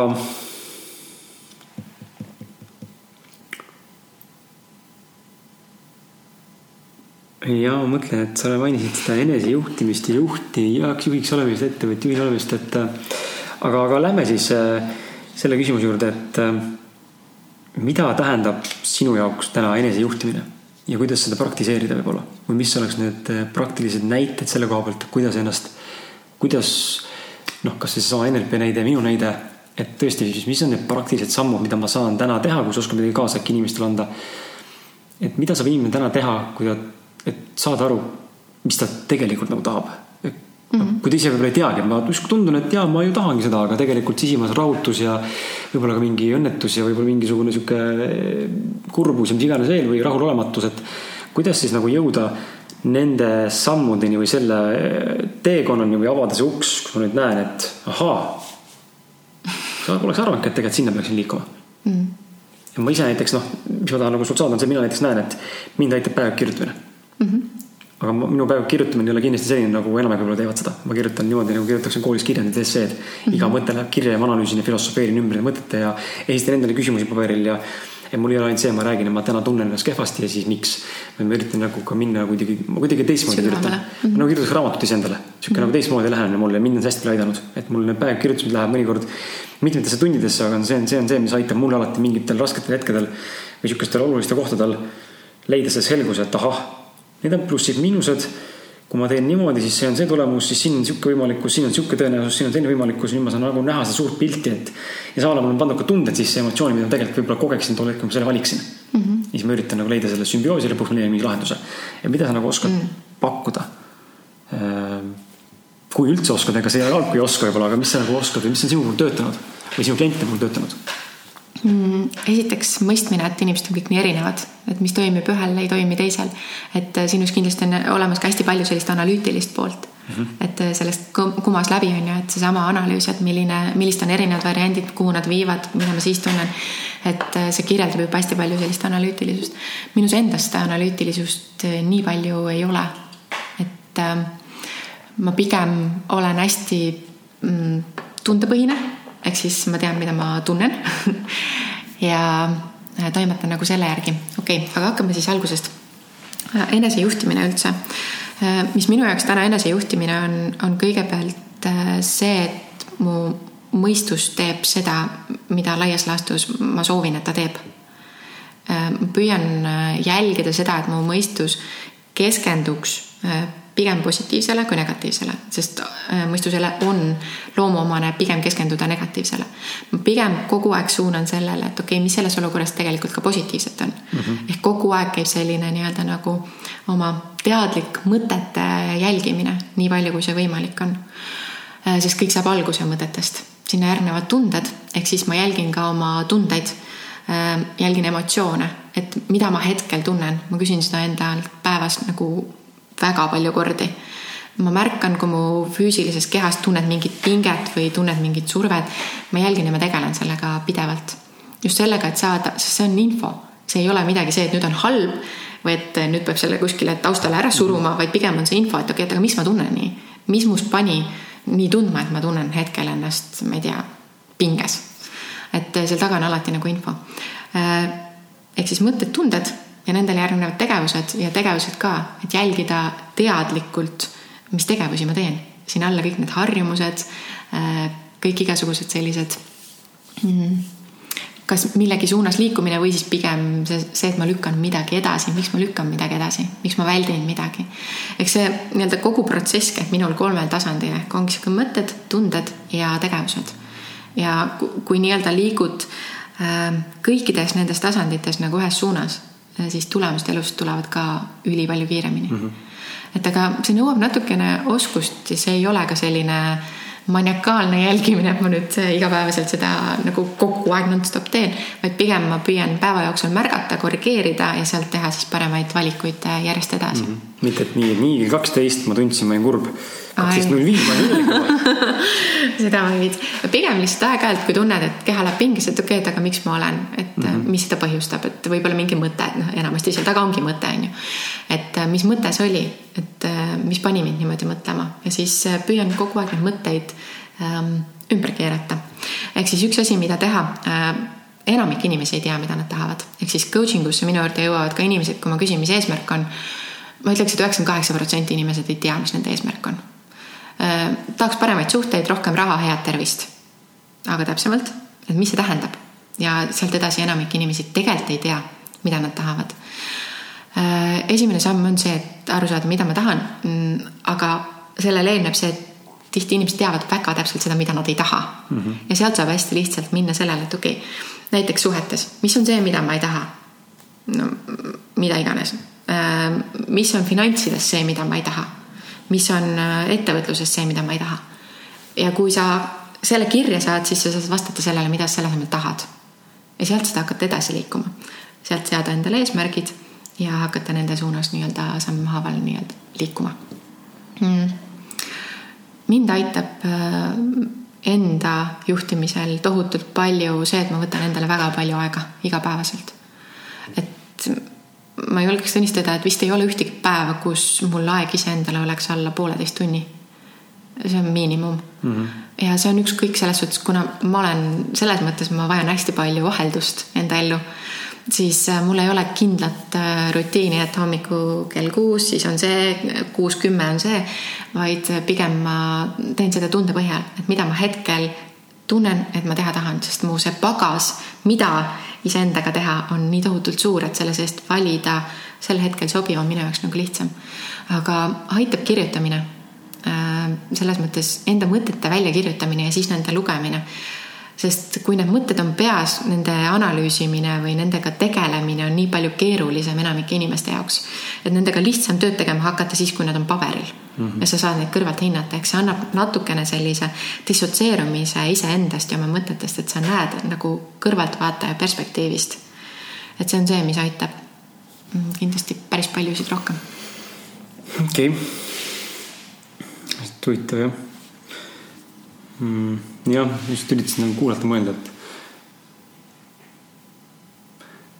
mul on hästi tihti elus on, ma ei tea, kas, ma ei tea, kuhu seda intuitsiooni nagu millisesse grupp, millisesse tunnetuslikku või kogemuslikku gruppi nagu toppida.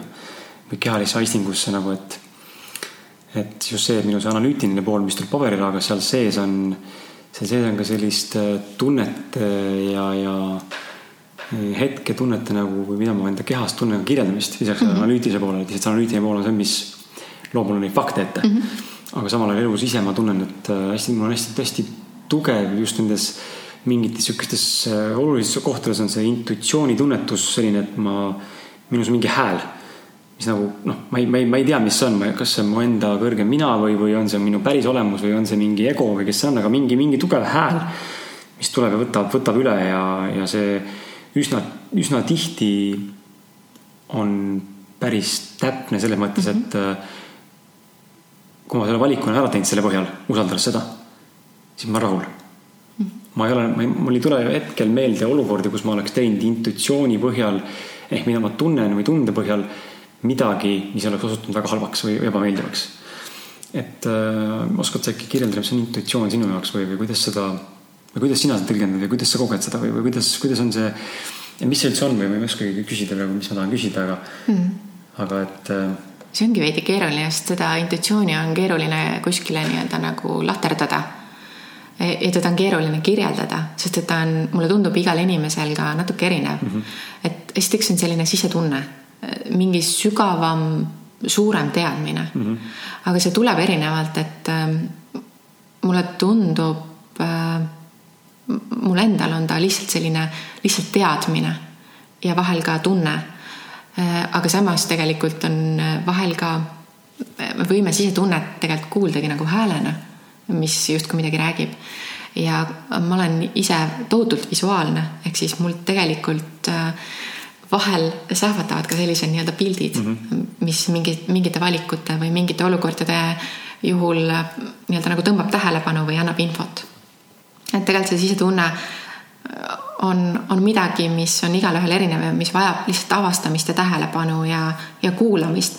mida rohkem kuulad, seda teravamaks ta läheb, seda paremini ta tuleb esile. seda rohkem sa eristad, et kas see on mõistus või see on see nagu sügavam teadmine. hea nipp sellele on see, et äh, see sisetunne kunagi ei põhjenda mm. -hmm. et mõistus, et kui asi on mõistuses, siis mõistus hakkab põhjendama et kui tuleb, et sa pead sinna minema, sellepärast et mm, -hmm. et no mõistus või intuitsioon ei ole, intuitsioon on see, et lihtsalt tunne tekib, et ma pean sinna minema ja see on kõik. et miks, mille jaoks, sa ei tea, aga lihtsalt lähed. see on äh, huvitav tähelepanek, polegi varem mõelnud selle peale, aga nüüd mõtlema hakkan, siis noh, ma ei oska praegu konkreetset näidet tuua, aga ma tunnen, et äh, miski nagu klikkas, et olen mõlemat kogenud mm. -hmm see on väga sageli inimesed ei tee vahet, et, et esimene küsimus ongi, et kuidas ma teen siis sellel nagu vahet sellel tundel või, või kuidas ma teen vahet sellele, et kas mul on sisetunne või et ma tunnen hirmu ja tegelikult väldin midagi. et noh, öeldakse ka, et, et elus tegelikult tuleb võtta riske ja liikuda selles suunas, mis tundub ebamugav, et enda mugavustsoonist ja sellest tavapärasest rutiinist välja saada, sest et õnn ja need võimalused ja see, mida me tegelikult otsime, on kogu aeg selles arengus ja selles väljaspool mugavustsooni elamises. et aga kuidas ma tean, et kas see on intuitsioon, mille järgi nüüd minna või et kas see on intuitsioon, mis ütleb, et ära sinna mine või et mul on tegelikult sisemas hirm ja ma tahan seda olukorda nagu vältida mm. -hmm. Et kuidas sellel siis vahet teha, samamoodi hirm hakkab sulle põhjendama, miks sinna mitte minna. intuitsioon on lihtsalt teadmine, et see ei ole minu jaoks. ja kõik see, mis sinna järgi tuleb, see on lihtsalt nii-öelda mõistuse mula või põhjendus väga huvitav tähelepanek, nii et äh, kuulajad, pange see endale kindlasti kõrva, sest et äh, see jääb mulle meelde ka, et äh, see jääb mulle kindlasti meelde, see küsimus. et väga huvitav ja. okei okay., aga sa mainisid mõne korraga coaching ut sa oled justkui nagu mentor, coach, treener. räägi räägi, mis on, mis on coaching ja, ja milles see seisneb ja mida sa, mida, kui keegi tuleb täna sinu juurde või, või mis nagu, mis saab sinult oodata, mida Mhm. sa pakud, kuidas sa aitad? Või kuidas sa väärtust lood? ma olen coach'ina tänaseks vist kaks pool aastat tegutsenud jah, selles mõttes nii-öelda endale pannud sildi, et ma olen coach. tegelikult seda järjepidevalt äh, väga-väga väikesest peale endale teadmata teinud. ehk seesama teiste vaatlemine, mida ma väga väikesest peale tegema hakkasin, et see on andnud mulle teatud sellised oskused inimestega suhtlemisel. et ähm, mul on võimalik natukene näha võib-olla sügavamale, kui inimene ise välja näitab. ja see on lihtsalt see nagu tunnetuslik mm -hmm. pool, mis minus on. ja läbi selle NLP õppe ma tegelikult avastasin, et seal on tohutult palju võimalusi, kuidas ongi ükskõik millises teekonnas inimesi rohkem aidata. jõuda kiiremini sinna, kuhu nad jõuda tahavad ja mida ma täna teen, on see, et ma aitan ettevõtlikke inimesi, ehk siis üks, üks nii-öelda tingimus on see, et inimeses peab olema ettevõtlikkust. enamasti nad on ettevõtjad, kes minu juurde jõuavad ja jõuavad teemadega laias laastus ikkagi, mis puudutab ettevõtet või siis äh, finantse. et kuna mu enda pangandustaust on äh, päris suur, siis äh, inimesi pöördub minu juurde ka sellega, et kuule, et mul on finantsiliselt selline olukord, et mis nüüd edasi teha töö, mida ma teen, ei puuduta nii väga nüüd konkreetselt seda, et jaota oma eelarvet või midagi sellist, vaid töö, mida minult oodata enamasti võib, on see, et ma lähen tegelikult just sinnasamma nende piiravate uskumuste ehk siis selle esimese sammu ja nende mõtete juurde. sest et kui me keskendume tegudele ehk siis ka näiteks finantside parandamisel on ju, et mida ma teha saan, noh oma sissetulekut suurendada, oma kulusid äh, nii-öelda jälgida, siis see on kõik tegevus, aga sellele eelnevad tunded ja sellele eelnevad mõtted, mis tegelikult määravad ära, milliseid tegevusi sa teed mm. -hmm. Ja minu töö ongi täpselt nende samade mõtete ja tunnetega, ehk siis ma aitan lahti äh, nii-öelda harutada selle, et miks inimene on jõudnud oma elus sellisesse situatsiooni ja enamasti ta ei ole sinna jõudnud esimest korda, vaid ta on seal juba mitmendat korda. Ja enamasti seal taga ongi mingisugused piiravad uskumused, mida inimene on iseenda või siis raha, ettevõtte, teiste inimeste suhete, mille iganes kohta uskuma hakanud. ja see lihtsalt määrab ära selle stsenaariumi, kuhu inimene tegelikult kogu aeg oma elus liigub selleks, et nüüd valida teist stsenaariumit, on vaja aru saada kõigepealt, et mis on mul need piiravad kohad äh, mu mõtetes ja ka võib-olla nendes tunnetes ja hakata siis teadlikult tegema teistsuguseid samme teises suunas et äh, ja ma teen ettevõtjatega väga palju ka seda tööd, et me vaatame üle nende ettevõtte strateegiaid, ärimudeleid, suhteid, kõike muud ja finantsides samamoodi. aga põhiline töö käib ikkagi selle inimese endaga mm, -hmm. sest et äh, ettevõte kasvab täpselt nii kaugele, kui kaugele on valmis juht kasvama.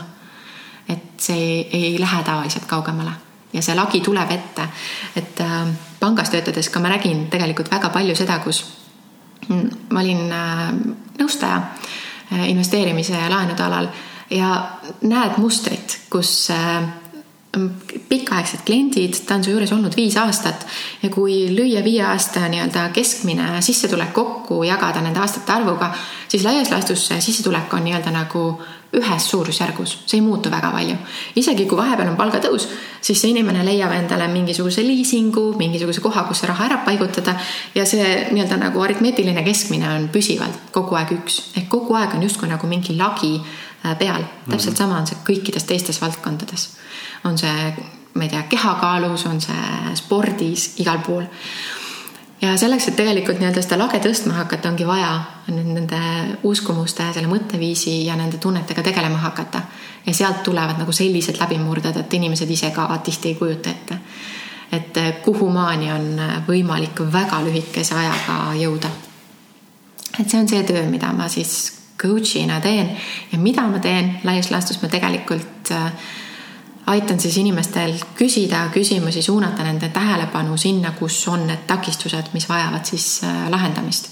kuhu inimesed, nad teavad tegelikult alati, et see, see tagakapis on seal see üks koht, mis ei ole vaata korras aga nad ei ole valmis sinna üksi vaatama mm. -hmm. või, või puudub ka nagu see oskus, et okei okay,, et ma tean, et see seal on, aga kuidas sellega siis tegelema hakata. ja koos siis mm, nii-öelda töötades lahendame need asjad läbi panen sind äh, siinkohal ja niimoodi mõnusalt proovile yeah.. toon sulle näite ja ma tahan, äh, tahan või noh, vaatame, kas sa oskad äkki midagi öelda mulle mm. -hmm. ma tean täna, räägin korra siis selle poolt, et ma tean, mul ja Martinil mõlemal on täna väike selline finantsiline disbelief, et me oleme võimelised genereerima suurt raha mm -hmm.. kuidagi on kohe noh, ma ei tea, mis seal takistab seda, aga, aga mingi, mingi platoon ees mm. -hmm. ja, ja ma olen korra elus elukaaslasega, nüüd ma lähen enda kogemuse peale ma olen elukaaslase korra kogenud koos, äh, tähendab mitmete kordadel, aga korra oleme kogenud seda, kuidas me suutsime lahti lasta sellest ja kuidagi lahendada selle enda jaoks. ja see muutus. täna me oleme samas kohas tagasi jälle mm. -hmm. võib-olla mitte nii hullusti, aga ikkagi on mingi, mingi asi nagu justkui nagu ikkagi takistab ja nüüd ma nagu kohati tundub, et ikkagi vist elu liigub ja ühesõnaga point on selles, et äh, ma toon selle Austraalia näite, siis kui me elasime Austraalias siin äh, kolm aastat tagasi umbes kaks, peaaegu kaks aastat elasime Austraalias. siis äh, esiteks läksime sinna väga napi rahalise puhvriga, kaheksasada eurot kahe peale, mis on täiesti naeruväärne Austraaliasse minekuks. Ehm, me lasti lahti, ma arvan, esimese kuu-kahe jooksul viiest, kuuest erinevast farmist. Ehm, lihtsalt sellepärast, et ma lihtsalt ei sobinud millegipärast, lihtsalt mm -hmm. ma tekitasin mingi probleemi, inimestele, farmerile ei sobi minu suhtumine mm. -hmm. oli see positiivne, negatiivne ja nägemist, äh, goodbye ja siis mul oli veel songa operatsioon Austraalias, elukaaslane üksi tööl mm. -hmm. ja siis ma murdsin Austraalias kolmanda kämblaluud, teisel aastal elukaaslane käis jälle üksi tööl ja, ja ei suutnud kuidagi raha koguda ja kuidagi ei tulnud seda puhvrit ja ja mingi hetk oli üldse see seis nii naeruväärne juba, et me olime täiesti võlgu kohalikele kodustele. ma mäletan, elukaaslase ema saatis meile viiskümmend eurot, me saaksime süüa osta, sest meil polnud rahagi mm. -hmm. Läksime tasuta tööd tegema, Austraalias on niisugune asi nagu woofing ehk siis nagu sa teed toidu ja elamise eest tööd okay.. see, mis saab kinga ja siis me tundsime nagu, et that's, that's täiesti nagu fucked up situatsioon, et nagu mm. enam hullemaks minna ei saa ja me lasime lahti, nagu juba mhm. tekkis niisugune naeru, naerutunne, et nagu noh, see on nii absurdne olukord, et me oleme võõras riigis võlgu, raha pole söögi jaoks enam-vähem bensiini ka võib-olla sada kilomeetrit ja sõita. ja, ja me oleme kuskil pära versus omadega ja midagi aru ei saa ja me saime siit ka kinno, kus, kinga, kus tasuta elamise eest mm -hmm. teed tööd.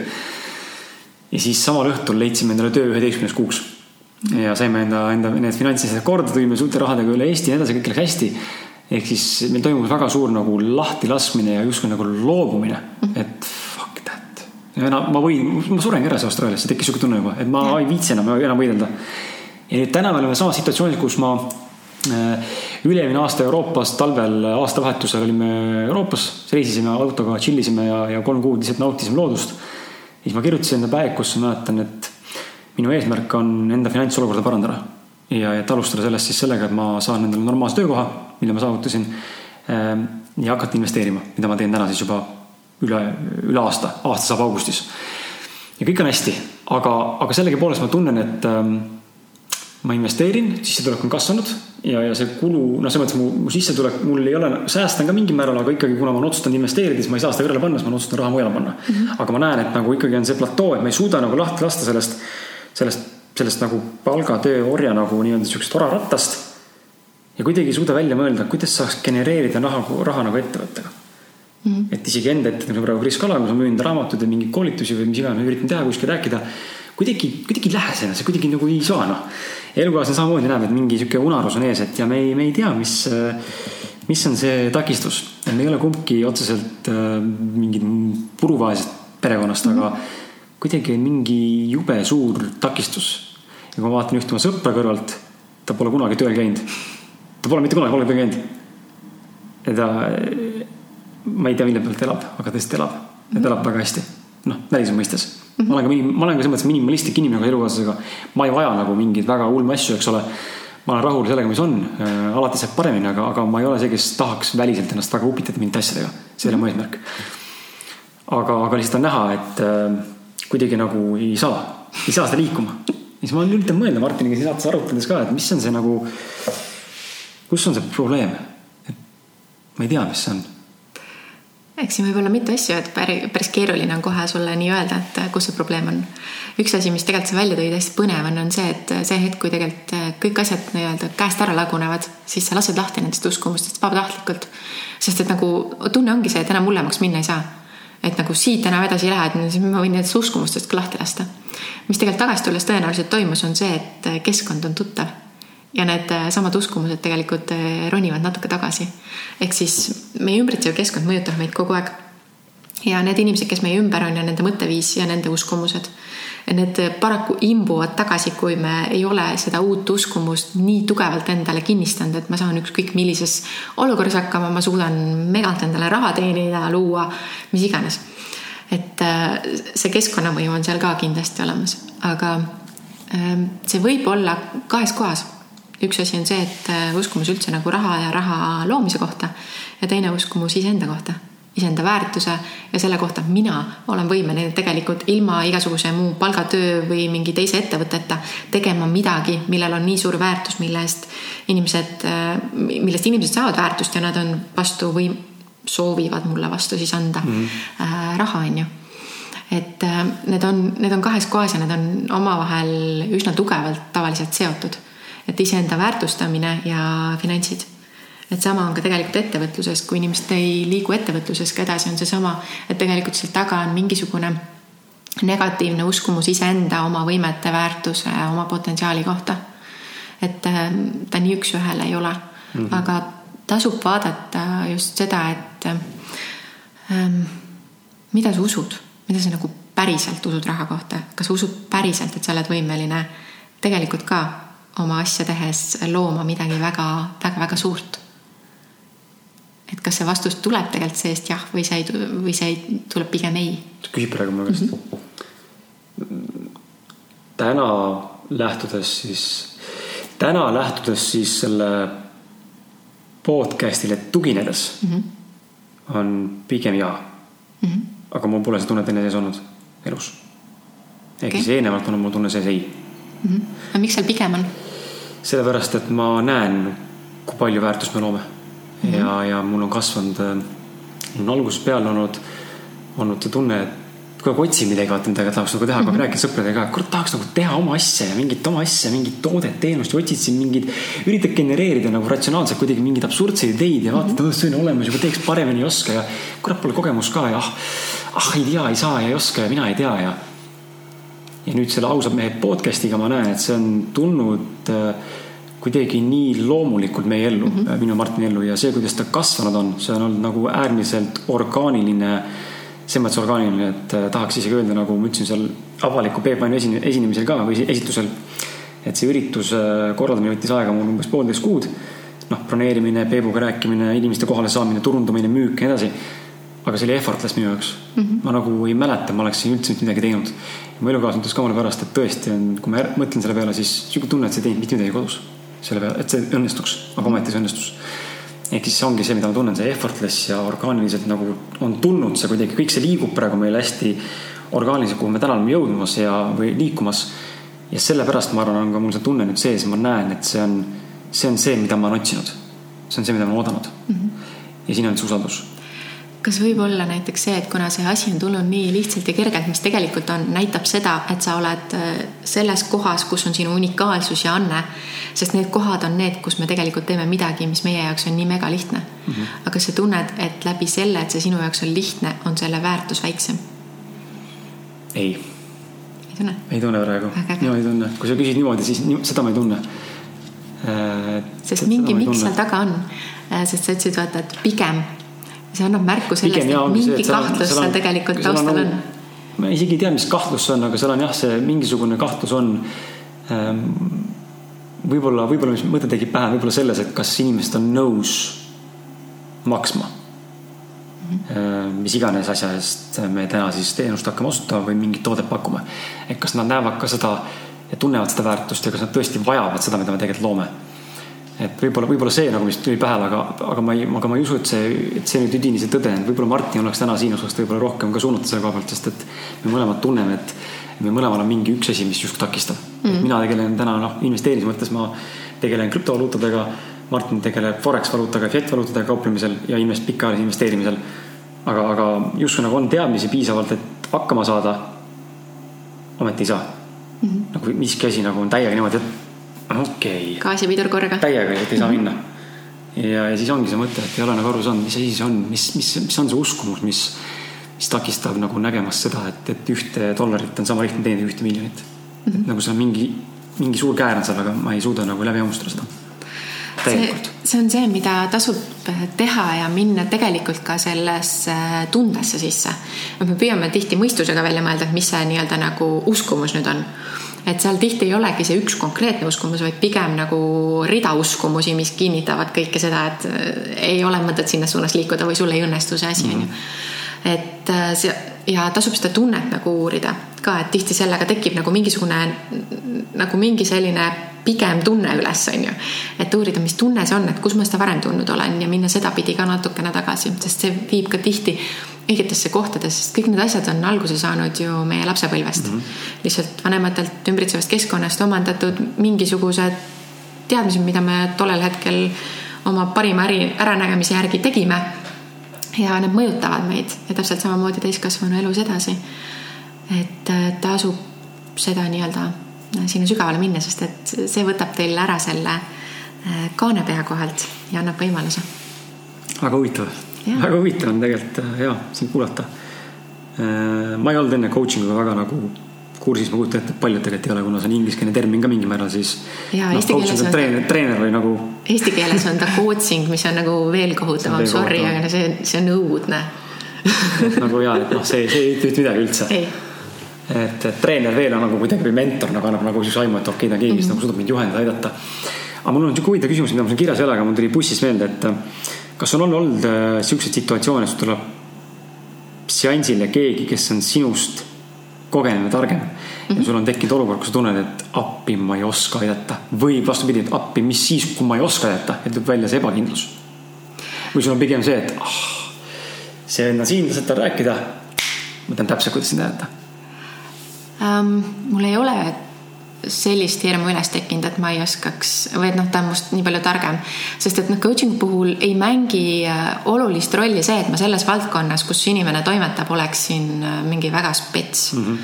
et äh, mu juures käivad väga suurte ettevõtete juhid, kes juhivad tootmisettevõtteid mul pole tootmisest mitte mingit aimu. aga küsimus ei olegi selles, et ma ei peaks tea-, ma, mul peaks olema teadmised selles valdkonnas. minul on teadmised see, kuidas muukida lahti inimese piiravad uskumused, muukida lahti need kohad, kus ta tegelikult nagu hädas on et siin nagu need teadmised iseenesest ei mängi mingit rolli. kui, küll aga võib-olla on aeg-ajalt keerukam nende inimestega, kes on iseendaga tohutult palju tegelenud.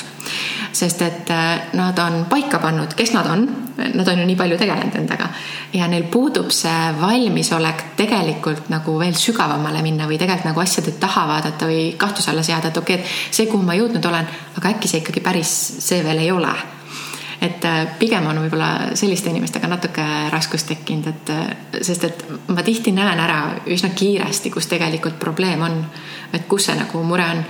ja minu ülesanne tegelikult inimest suunata sinna nendesse teemadesse, et ise seda avastada, sest ma ei ütle ka inimesele ette, et sa oled selline, vot su probleem on see, et sa ei saa isaga läbi, noh, come on see teadmine ei anna inimesele mitte midagi, küll aga annab see teadmine, kui ta jõuab ise sinna, aa pagan, nüüd ma saan aru, et see on sealt kohast tulnud ja see muudab kõike, see muudab reaalselt kogu pilti, kogu uskumuste süsteemi ja kogu elu inimese jaoks.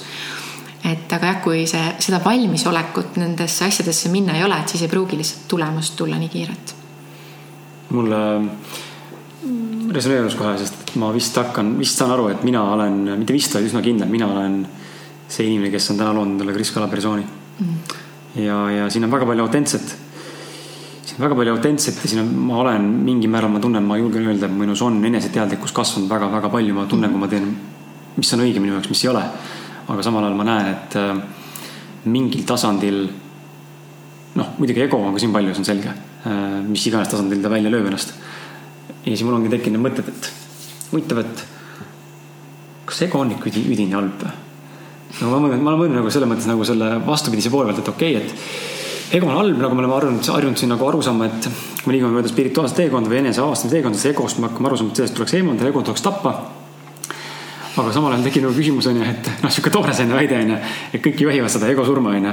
et aga mul tekib küsimus, et kui ego on mind täna siia toonud, mis on justkui toonud mulle ka positiivseid tulemusi, siis kas ilma selle pooleta ma ei saagi vastata küsimust, ma ei tea, mis oleks olnud, onju, kui ma avan ukse A ja lähengi mööda teed, siis ma ei saa kunagi teada, mis oleks ukse B taga olnud. võin ju oletada, aga ma tegelikult mitte never, never know onju. et kas meil on ikka vaja egost täielik vabaneda ja kas meil on vaja kõiki maske nagu eh, ära visata või on mõni mask, mis tegelikult reaalselt ka nagu, kui seda teadlikult kasutada, siis ta tegelikult teenib meie hüve mm. -hmm. et see teadlikkus on siin, ma usun, et kõige olulisem märksõna. et kui ma teadlikult kasutan mingisugust rolli, noh, kasvõi näiteks see, et lastega suheldes, et ähm, sa loobud tegelikult kõikidest rollidest, sest neid ei ole enam vaja.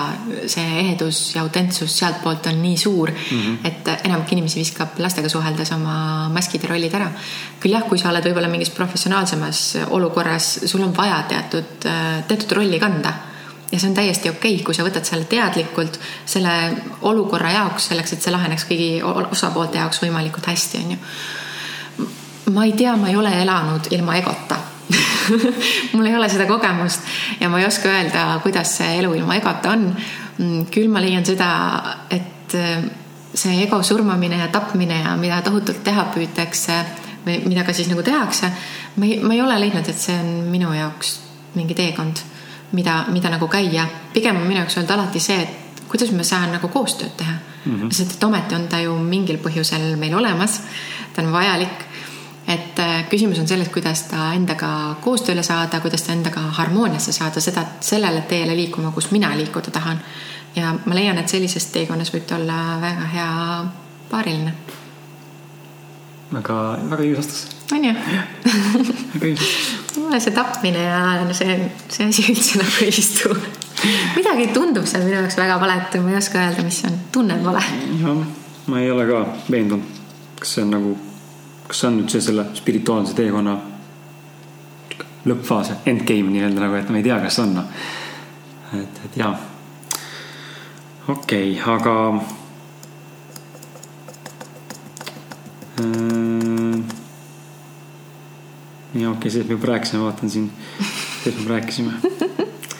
aga ma tahtsin tegelikult, tõesti tahtsin küsida tegelikult alguses seal kuidagi jutt, päris täpselt seda ei maininud, aga aga, aga kuidagi viis mu sinu mingi lause pealiskaudsuse sellise nagu võltslikkuse pealt viis nagu sotsiaalmeediale mõtte korraks, et mm. palju sa näed, kuidas sotsiaalmeedia meid äh, täna mõjutab ja, ja mis sa oskad äkki lahenduseks pakkuda, sest nii palju, kui inimestega oleme rääkinud, siis üha rohkem inimesed, kes iseendaga tööd teevad, saavad aru tegelikult, et see sotsiaalmeedia, noh, ta on küll täna äpina vahend, eks ole, aga ühtepidi on ta väga selline self-destructive nagu tool kui me langeme sellesse lõksu mm. -hmm. just see tunnustusvajaduse lõks, me peame panema üles pilte sellepärast, et sain sada laiki mm. -hmm. Fuck yeah, elu on korras. ja kui ma ei saa, siis ma võtan maha pildi ja panen uuesti teise külje alt. et, et oskad sa nagu äkki võib-olla tuua nagu näite, kuidas noh, kui sa oled sellega nõus, ma muidugi tean, mis su arvamus on sellest, aga mis on su arvamus sotsiaalmeediast ja kui sa oled minuga nõus, et see on äh, üsna, üsna tugev keerkäik selles mõttes praeguse evolutsiooni mm. -hmm. Mida sa suudad nagu pakkuda, kuidas sellega, kuidas teha sotsiaalmeediat või kuidas sellele läheneda niimoodi, et see ei hakka sind, su ego toitma ja sind endasse imema. ei võta üle, onju. samamoodi tööriist et noh, ma püüan hästi praktiliselt reaalselt neid asju võtta, et sotsiaalmeedia on tegelikult ju nagu tööriist.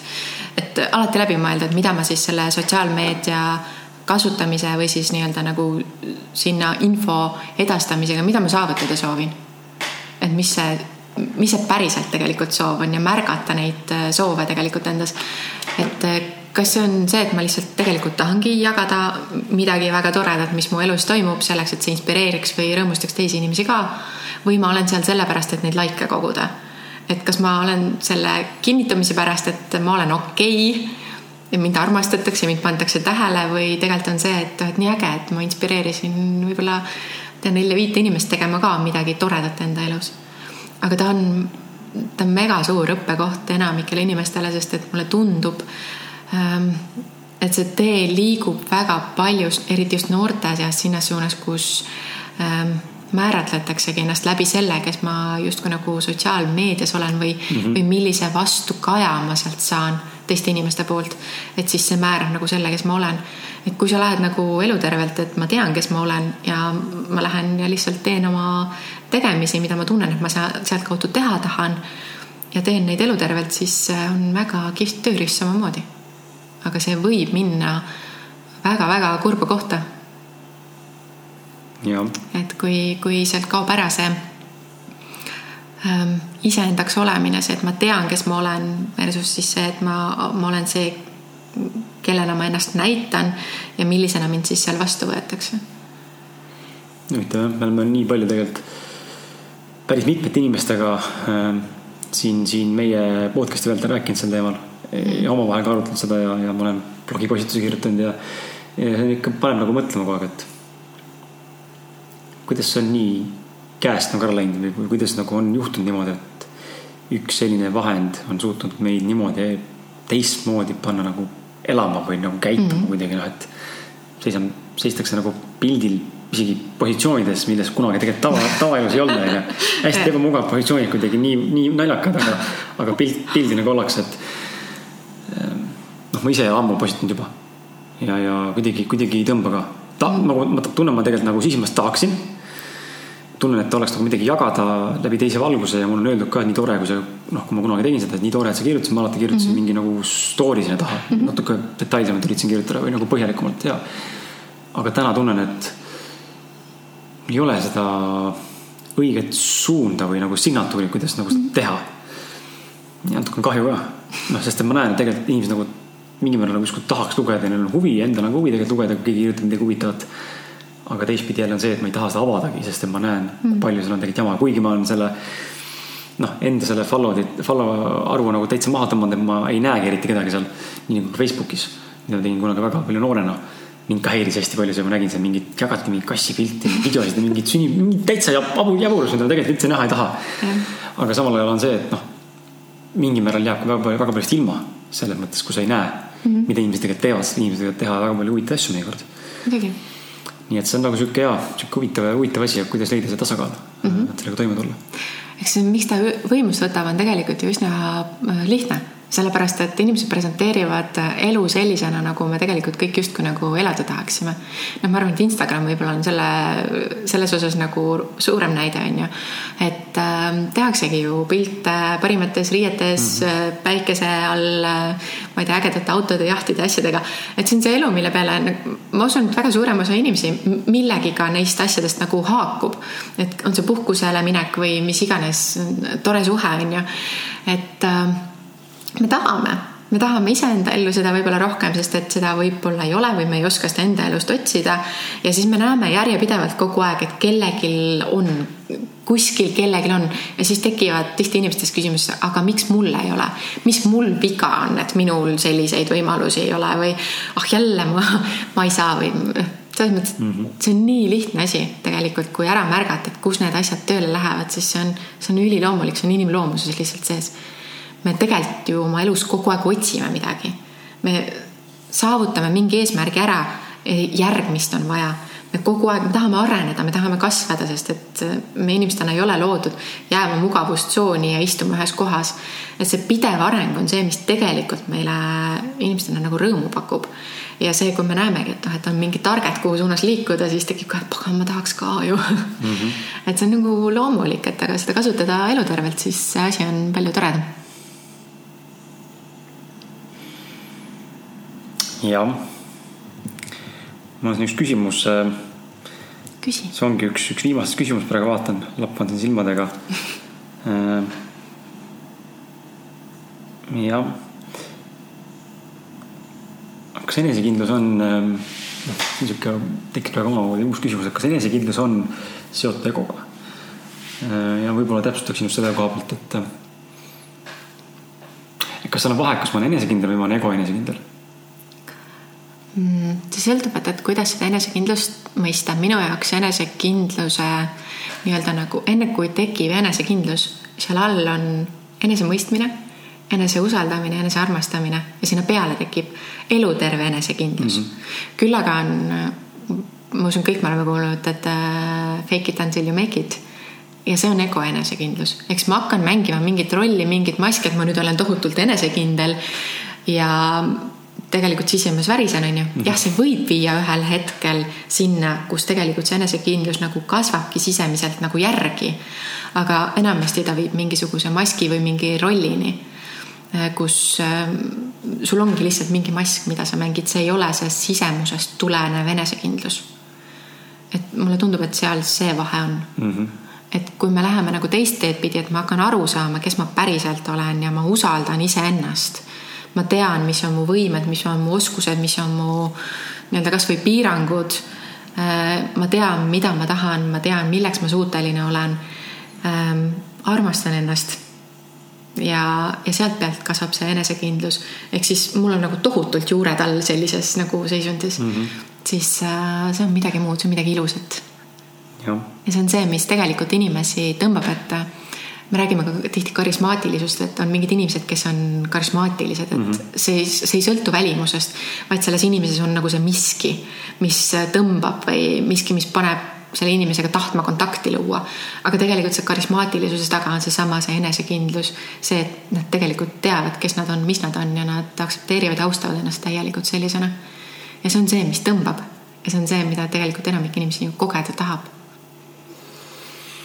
Ja selle küsimusega seoses üritasin mõelda korra enda, enda peale ka, et üks päev jõudsin, noh, mingi, mingi aeg tagasi jõudsin nagu mingile siuksele arusaamisele, et minu enesekindlus on mingil määral autentne, ma tunnen, et ma olengi mhm. enesekindel, sest ma noh, natuke ikkagi olen õppinud ennast tundma. on veel mask, mida, mida lammutada. aga mingi, mingi nagu sihuke, sihuke käekatsutav nagu baas on nagu kätte jõudnud mm. -hmm. Teiselt poolt ma saan aru, et äh, ma olen äh, väga palju enda ebakindlust, äh, ebakindlust just. jah, see vist oli, siis praegu mõtlen, see tunne on selles ebakindlust enda välimuse suhtes mm. -hmm. noorena, puberteedieas just peitnud enesekindlusega, olles hästi enesekindel seltskonna kloun mm -hmm. naljanina, sihuke avameelne suhtleja. aga need ühtepidi ei ole, ühtepidi need on siuksed asjad, mis ei ole nagu mul olnud otseselt sihuke, et ma feigin ma teen mingi nalja, ma ilgelt mõtlen, mis nalja teha, vaid see tuleb mul kuidagi loomupäraselt. ma oskan ka olla seltskonnas, mul ei ole raske esineda mul ei ole ärevust inimeste ees olla mm -hmm.. tähelepanu minul, mul ei ole probleemi. aga samal ajal ma näen, ma olen selle enesekindlusega väga palju enda ebakindlust just äh, mingil tasandil kinni matnud mm. -hmm. ja seda on huvitav on näha. ja siis ma olengi üritanud mõelda, kust maalt on see, kust on see päris enesekindlus. Kus on see fake enesekindlus, mis on olnud või mis täna veel kuidagi järgi lohiseb. see on huvitav, sest et meil tekivad, et kui me kogeme mingeid äh, situatsioone elus, mis on võib-olla natukene raskemad siis äh, meie sees nii-öelda justkui nagu teadvus ka mm, kahestuks. ehk siis tekib äh, üks teadvuse osa, mis kogeb siis seda justkui nagu mingit ebaõiglust või siis seda, et mind ei mõisteta või seda, et äkki keegi ütles mu kohta midagi ja siis tekib see teine osa sinna juurde, kes hakkab seda katkistusa kaitsma mm. -hmm. ja see teine osa, kes juurde justkui nagu tekib või see nii-öelda nagu teadvuse osa Äh, see võib võtta väga erinevaid rolle või väga erinevaid vorme, kasvõi seesama on ju, et pöörata tähelepanu sellelt äh, välimuse suhtes ebakindluselt eemale, siis ma mängin seda rolli on ju, et ma hoopis lõbustan seltskonda ja viin selle tähelepanu kuskile mujale. Noh, minul on olnud alati see, et kuna ma olin väiksena mega ebakindel endas, siis minu jaoks oli alati ebakindlus see, et ma tean kõigest kõike mm. -hmm. ehk mu õppimisvõime on ebareaalne ma suudan nagu ülipalju infot endale omandada ja teada nagu väga-väga paljudest asjadest kõike. ja see on samamoodi, see on olnud lihtsalt üks nii-öelda nagu kaitseroll selle ebakindluse vastu. et aga seda mõista ja hinnata ja tegelikult on võimalik need kaks osa uuesti omavahel sõbraks saada, kokku panna. tegelikult võib öelda, et me oleme ikka päris keerulised inimesed, inimestena päris keerulised olendid ja sellised nagu positiivses mõttes keerulised, selles mõttes nagu siin on nii palju nüansse ja erinevaid äh, tahke, millest, millega tegelikult tööd teha ja, ja, ja läbi hammustada jah, aga siin on alati oluline see, et ähm, kaks asja üldse, kui nagu enda arendamisega tegeleda. üks asi on see, et säilitada alati selline nagu skeptitsism kõige suhtes ehk ka erinevate nagu teooriate, erinevate õpetajate, erinevate mingite suundade suhtes mm. -hmm. sest et ma näen nii palju täna seda, kui palju selles valdkonnas inimesed ära kaovad sest uskudes, et mingisugune nüüd mingi tehnika või mingi lähenemine või mingi õpetaja, et see on see, see on nagu see ülim tõde ja ma võtan selle nüüd lihtsalt siis üle ja üritan hakata seda siis ellu rakendama. Eluterve oleks minna see, et vaadata, okei okay,, mis seal on sellist, mis mulle sobib, võtta need asjad endaga kaasa ja lasta ülejäänud asjast lahti. et mitte nii-öelda nendesse asjadesse sisse ära nagu huppuda. kinni jääda nii-öelda. jaa, et äh, korjata igalt poolt endale sobivad asjad ja seada kõik asjad lõppude, lõppkokkuvõttes nagu kahtluse alla mm. -hmm. et kas see on ikkagi nüüd päriselt see õige asi, sest et äh, sellel teekonnal ma olen ka ise nagu väga palju erinevaid kohti läbi käinud, kuhu ma ei soovitaks inimestele minna. just selle nagu kogemuse mõttes, et äh, sealt uuesti iseenda juurde tagasi tulla võib olla väga pikk teekond, kui sa kuhugi ennast nii-öelda väga sügavale ära kaotad ja teine asi on see, et nagu me ei pea kogu aeg kõiki asju lahendama ja möllama ja hirmsasti endaga tegelema, et tegelikult tuleb lihtsalt nagu nautida rohkem, sest et äh, mis juhtub väga palju ka, et selle enda arendamisega me hakkamegi nägema, kui palju tegelikult on neid tahke, kui palju on neid vigu, kui palju on neid piiranguid. ja kui me sinna nagu ära upume, siis see võib olla ka selline nagu enesehaletsuse ja selline ohvrimentaliteet, et kuidas ma selle kõigega hakkama saan, on ju aga võtta üks asi korraga rahulikult ja samal ajal tegelikult oma elu nautida ja liikuda selles suunas, kus sa liikuda tahad.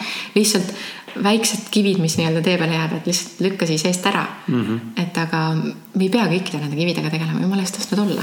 kui nad täna ei sega, siis las nad olla. jah. Äh, mul ei ole rohkem küsimusi sulle. ainuke asi, mis ma küsida saan, on äh, lõpetuseks, et on sul midagi südamel mõttes südame, et äh, tahad sa äkki midagi, mis on su lõpp, lõppsõnad mm. inimestele, meie kuulajatele, kui sul on, see ei ole kohustatud, ei ole, aga kui sul on soovi ennast nüüd siin reklaamida äh, või, või, või lihtsalt midagi meelde tuletada või, või südamele panna või inimestele äh, midagi öelda, siis äh, nüüd on see võimalus sul. Mm.. no üks asi, mis mind ennast on tohutult kogu oma teekonnal aidanud, on see, et ähm, iseendaga tegeleda nagu reaalselt enda asjadele otsa vaadata, sest et ma tean, kui väga palju lihtsamaks võib elu minna läbi selle. et me ei pea kõike tohutult punnitama ja pressima ja läbi seinte ennast rammima selleks, et elus jõuda sinna, kuhu me jõuda tahame, mis iganes siis kellegi jaoks on et asju saab teha palju lihtsamalt ja selleks on olemas täna võimalusi, kuidas neid äh, lihtsamaks enda jaoks teha mm -hmm. ja julgeda abi küsida et see on minu enda jaoks ka olnud üks äh, huvitav koht, et ma olen püüdnud alati kõike ise teha. et ma tean ise kõike paremini ja suudan ise kõik välja mõelda ja ise leiutada. aga tegelikult äh, minu enda jaoks muutus ka minu asjades kulg palju rohkem, kui ma tegelikult kohe, kui ma coaching ut alustasin, ma võtsin ka endale coach'i. ehk sellel hetkel muutus minu jaoks asjad ka palju lihtsamaks, et tegelikult ümbritseda ennast inimestega, kes on sarnasest sarnasel teekonnal julgeda küsi, küsida abi, kui on midagi, millest ei suuda nii-öelda läbi hammustada. sest et kasvõi see, et sa saad selle asja nagu välja rääkida mm -hmm. või teise inimese käest kasvõi tagasi peegeldatud selle jutu, mida sa rääkisid, siis äh, selles on tohutult palju peidus, et ei pea üksi kodus omaette nagu nokitsema, et rohkem välja tulla, rohkem küsida, nagu sina ka minu käest küsisid, on ju, et ole hea, aita mind et äh, tegelikult on inimesi, kes aitavad hea meelega ja on inimesi, kes, kes suunavad nagu palju kiiremini edasi. nii et ole julge ja rohkem koostööd. ja rohkem koostööd, julgust ja nautimist ka. nautida elu rohkem, nagu rõõmu tunda sellest. ja väga lahe kuulata, väga hea kuulata seda. ma olen äh, väga tänulik, et sa mind vastu võtsid, sellepärast et äh, nagu ma sulle telefoni esimese vestluse ajal ütlesin ka, et noh, tegelikult sa ütlesid täna mulle midagi sarnast vastu, et sinu hääl on jube kuidagi rahustav mm. või, või selline sihuke oma, sihuke oma inimese tunne, nagu ma esimest korda näen sind, aga mul on tunne, ma teaksin just sind rohkem või noh, kauem selles mõttes. ja, ja, ja ma olen väga tänulik, et sa tulid meile saatesse ja olid nõus jagama enda mm., enda mõtteviise. nii tore, et kutsusid, tore on jagada ja äge see, kui keegi küsib. Äh, see on, see on nii kihvt, sest et ise nagu tead neid mõtteid kõiki ja see ongi see maailm, milles mina tegelikult mm. igapäevaselt elan, onju. et kihvt, kui keegi oskab väljaspoolt küsida midagi, mis tõmbab enda seest ka välja mingeid mõtteid, et see on alati väga lahe win. Win-win Teiega selge äh,. aitäh sulle veel kord. ja aitäh.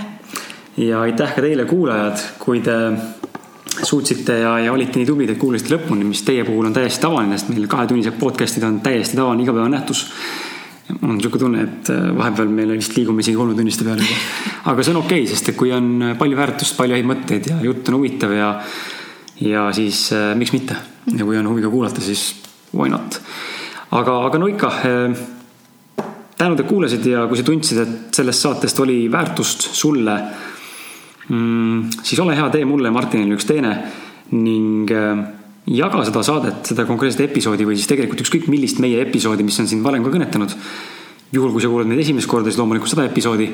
Äh, jaga mõne sõbraga või sõbrannaga, ema, isaga, kellega iganes, äh, töökaaslastega, kellel võiks ka sellest abi olla ja kellele see meeldib, sest et need niimoodi me jõuame üksteist toetades ja teineteisele tuginedes jõuame lähemale rohkemate inimesteni ja, ja liigume, liigume koos edasi selle ühise eesmärgi suunas, et saada iseenda paremaks versiooniks. ja, ja ei oskagi rohkem muud öelda, kui et äh, aitäh, et kuulasid veel kord ja jälgi meid Facebookist. ja kohtume juba järgmisel reedel, kui mitte varem. tšau. tšau